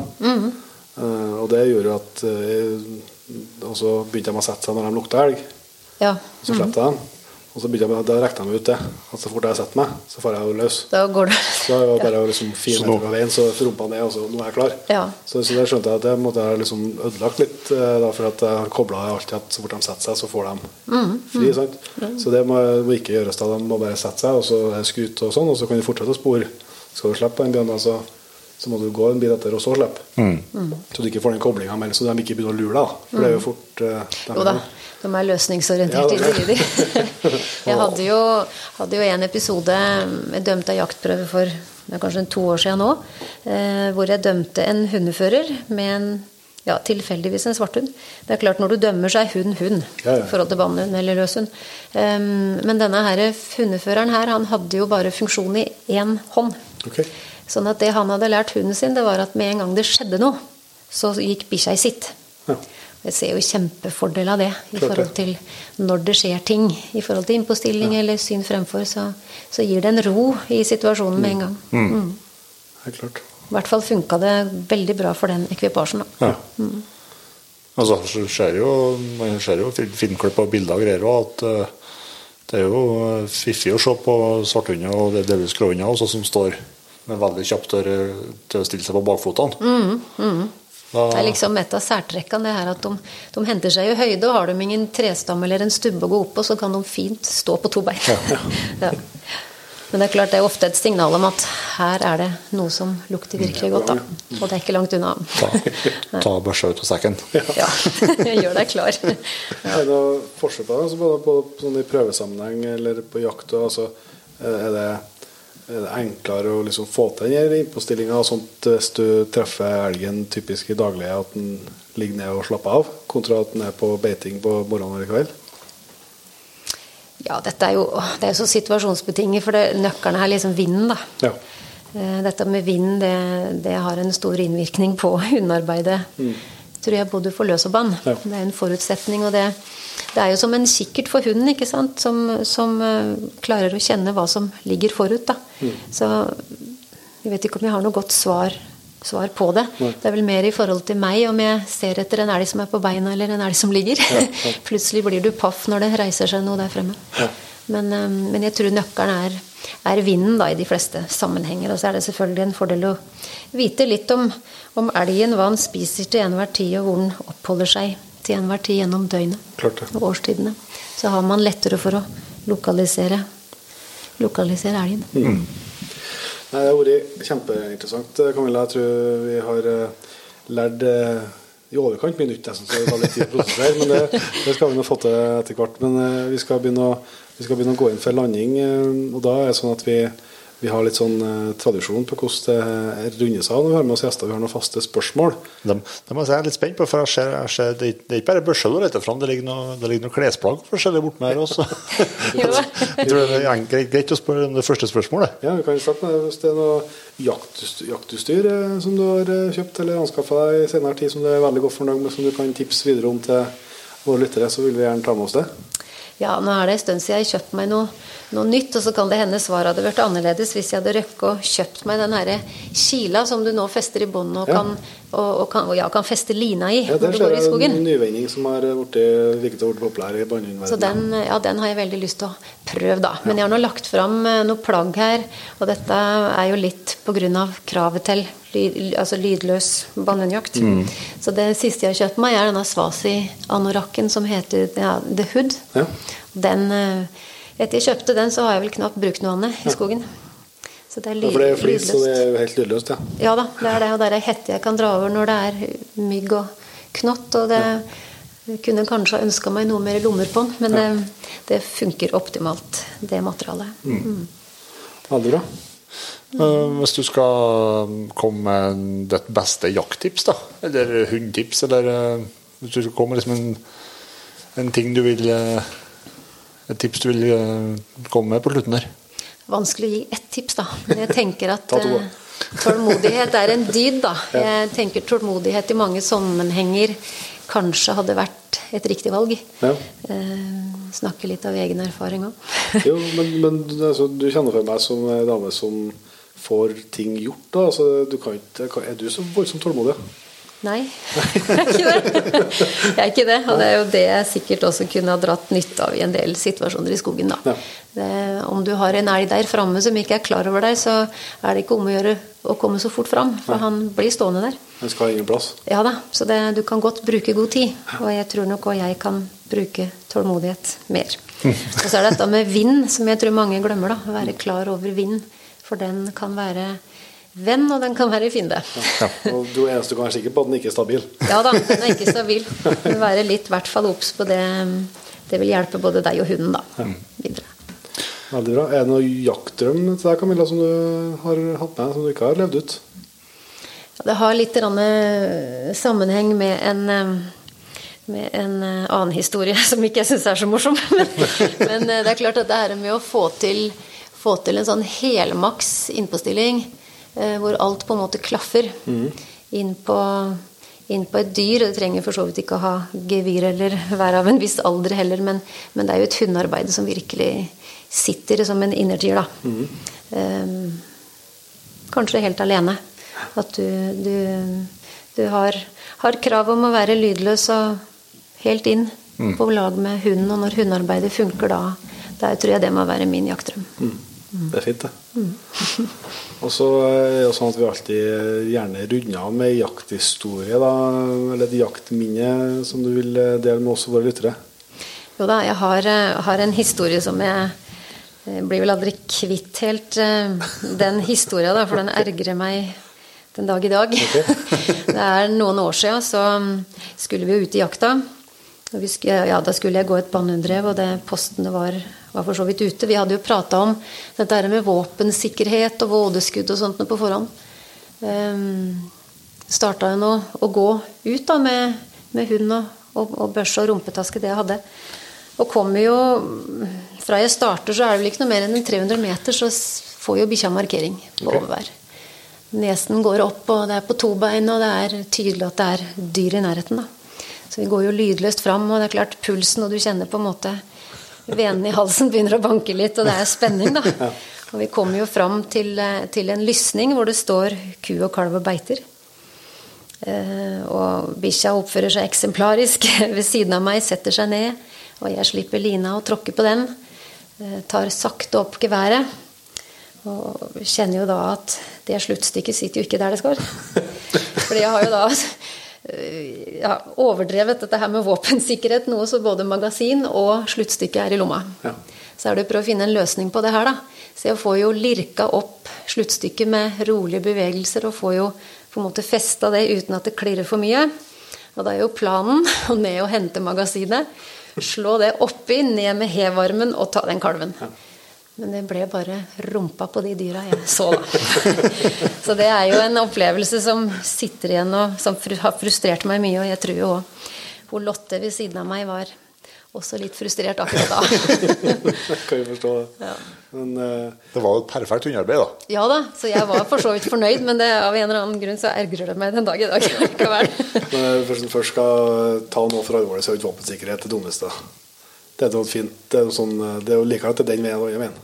Hva, hva, hva sa du nå? Det, jeg synes det er jo likere at det er den veien våpensikkerheten enn den andre veien. Jo da. Tross alt. Og det er klart, det holder jo heller tilbake et skudd enn å løsne et for mye, så Men jeg skjønner det. Og så det den her mm, ja, den her meningsløsheten akkurat når du sitter. Ja da, det, det er jo det. Det er det. Nei, veldig bra, Camilla. Det, er som sagt, vi har eh, lært eh, kjempemye, og det var utrolig interessant. Så tusen hjertelig takk for at du tok deg tid til å prate med oss. Takk for at jeg fikk være med. Det var Camilla Hartz, det. Ei eh, utrolig dyktig dame som eh, Et enormt engasjement da, for, eh, for hunder og for, eh, for jakta. Det er jo ikke Det er det som er litt eh, interessant når du snakker med sånne. Det, er det starter jo for hennes del med en interesse for jakt og hunder, og så tar det så mange retninger. Det baller på seg. Det baller på seg, og så eh, det viser jo hva som er, er mulig å, å få til hvis du har, eh, har lyst og, og guts og, og interessen på plass. Og utvilsomt ei, ei viktig dame for, eh, og ressursperson for, eh, for svarthund eh, spesielt, men for elghundmiljøet stort. Det, det er helt, helt overbevist om. Så det håper jeg at du som har vært med oss helt hit og vil stemme med og si at det var både interessant og underholdende og lærerikt. Men eh, vi skal begynne å gå inn for landing vi og slippe folket ut uh, si ny jakthelg. Ja. Så, men før vi går dit, så er det jo sånn at vi er i, som vi har masa om i, i lenge, syns jeg, så er vi jo rekordnært denne Canada-trekkinga. Ja, det, det, nærmer seg med stormskritt. I skrivende stund så mangler vi 39 stykker. Ja. Så blir det trekking av Canada. Og det er jo Da er det Jeg, jo jeg har fått til det før jul. Ja, det har vært helt eh, Helt magisk for en julegave. Eh, det må jeg jo kunne si. Så, så det er nå i hvert fall åpning for å bli med for den som, eh, som har lyst. Men uh, vi skal nå i hvert fall takke de nyankomne denne uka, Jon Inge, velkommen. Uh, Takk dem for at de har lyst til å bli med, og ønske dem velkommen inn i jaktlaget. Så vi starter på toppen og sier tusen hjertelig takk til Petter Johnsen, Erlend, Erlend Mæland, Jon Magnus Gomo, Per Ivan Vatne, Erling Volden, Tom Sørli, Vegard Kveum, Kent Eivind, lord Adrian, Ole Jørgen Halteigen, Anders, Robin Sagbakken, Kristoffer Friberg, Kim Rune Simskar Fiplingdal, Jens André Bøngård, Kristian Saksvold, Sokrates Kvello, Laie Bendik Gården Thea BS. og Ottar Øvrevik. Tusen hjertelig takk til alle dere, og så takk til alle de vakre menneskene som allerede er med og utgjør Playdrag-laget vårt. Dere er vi evig, evig takknemlige, og du som hører på, hvis du ikke er med, så er du som sagt hjertelig velkommen, du òg. Sjekk gjerne ut Jeger.no, der finner du alle episoder eh, og en eh, trivelig liten eh, nisjenettbutikk med forskjellige greier. Både ting som du ikke finner andre plasser, og ting som du finner andre plasser òg. Yes. Så ser vi som bruker den til neste gang. Vi høres.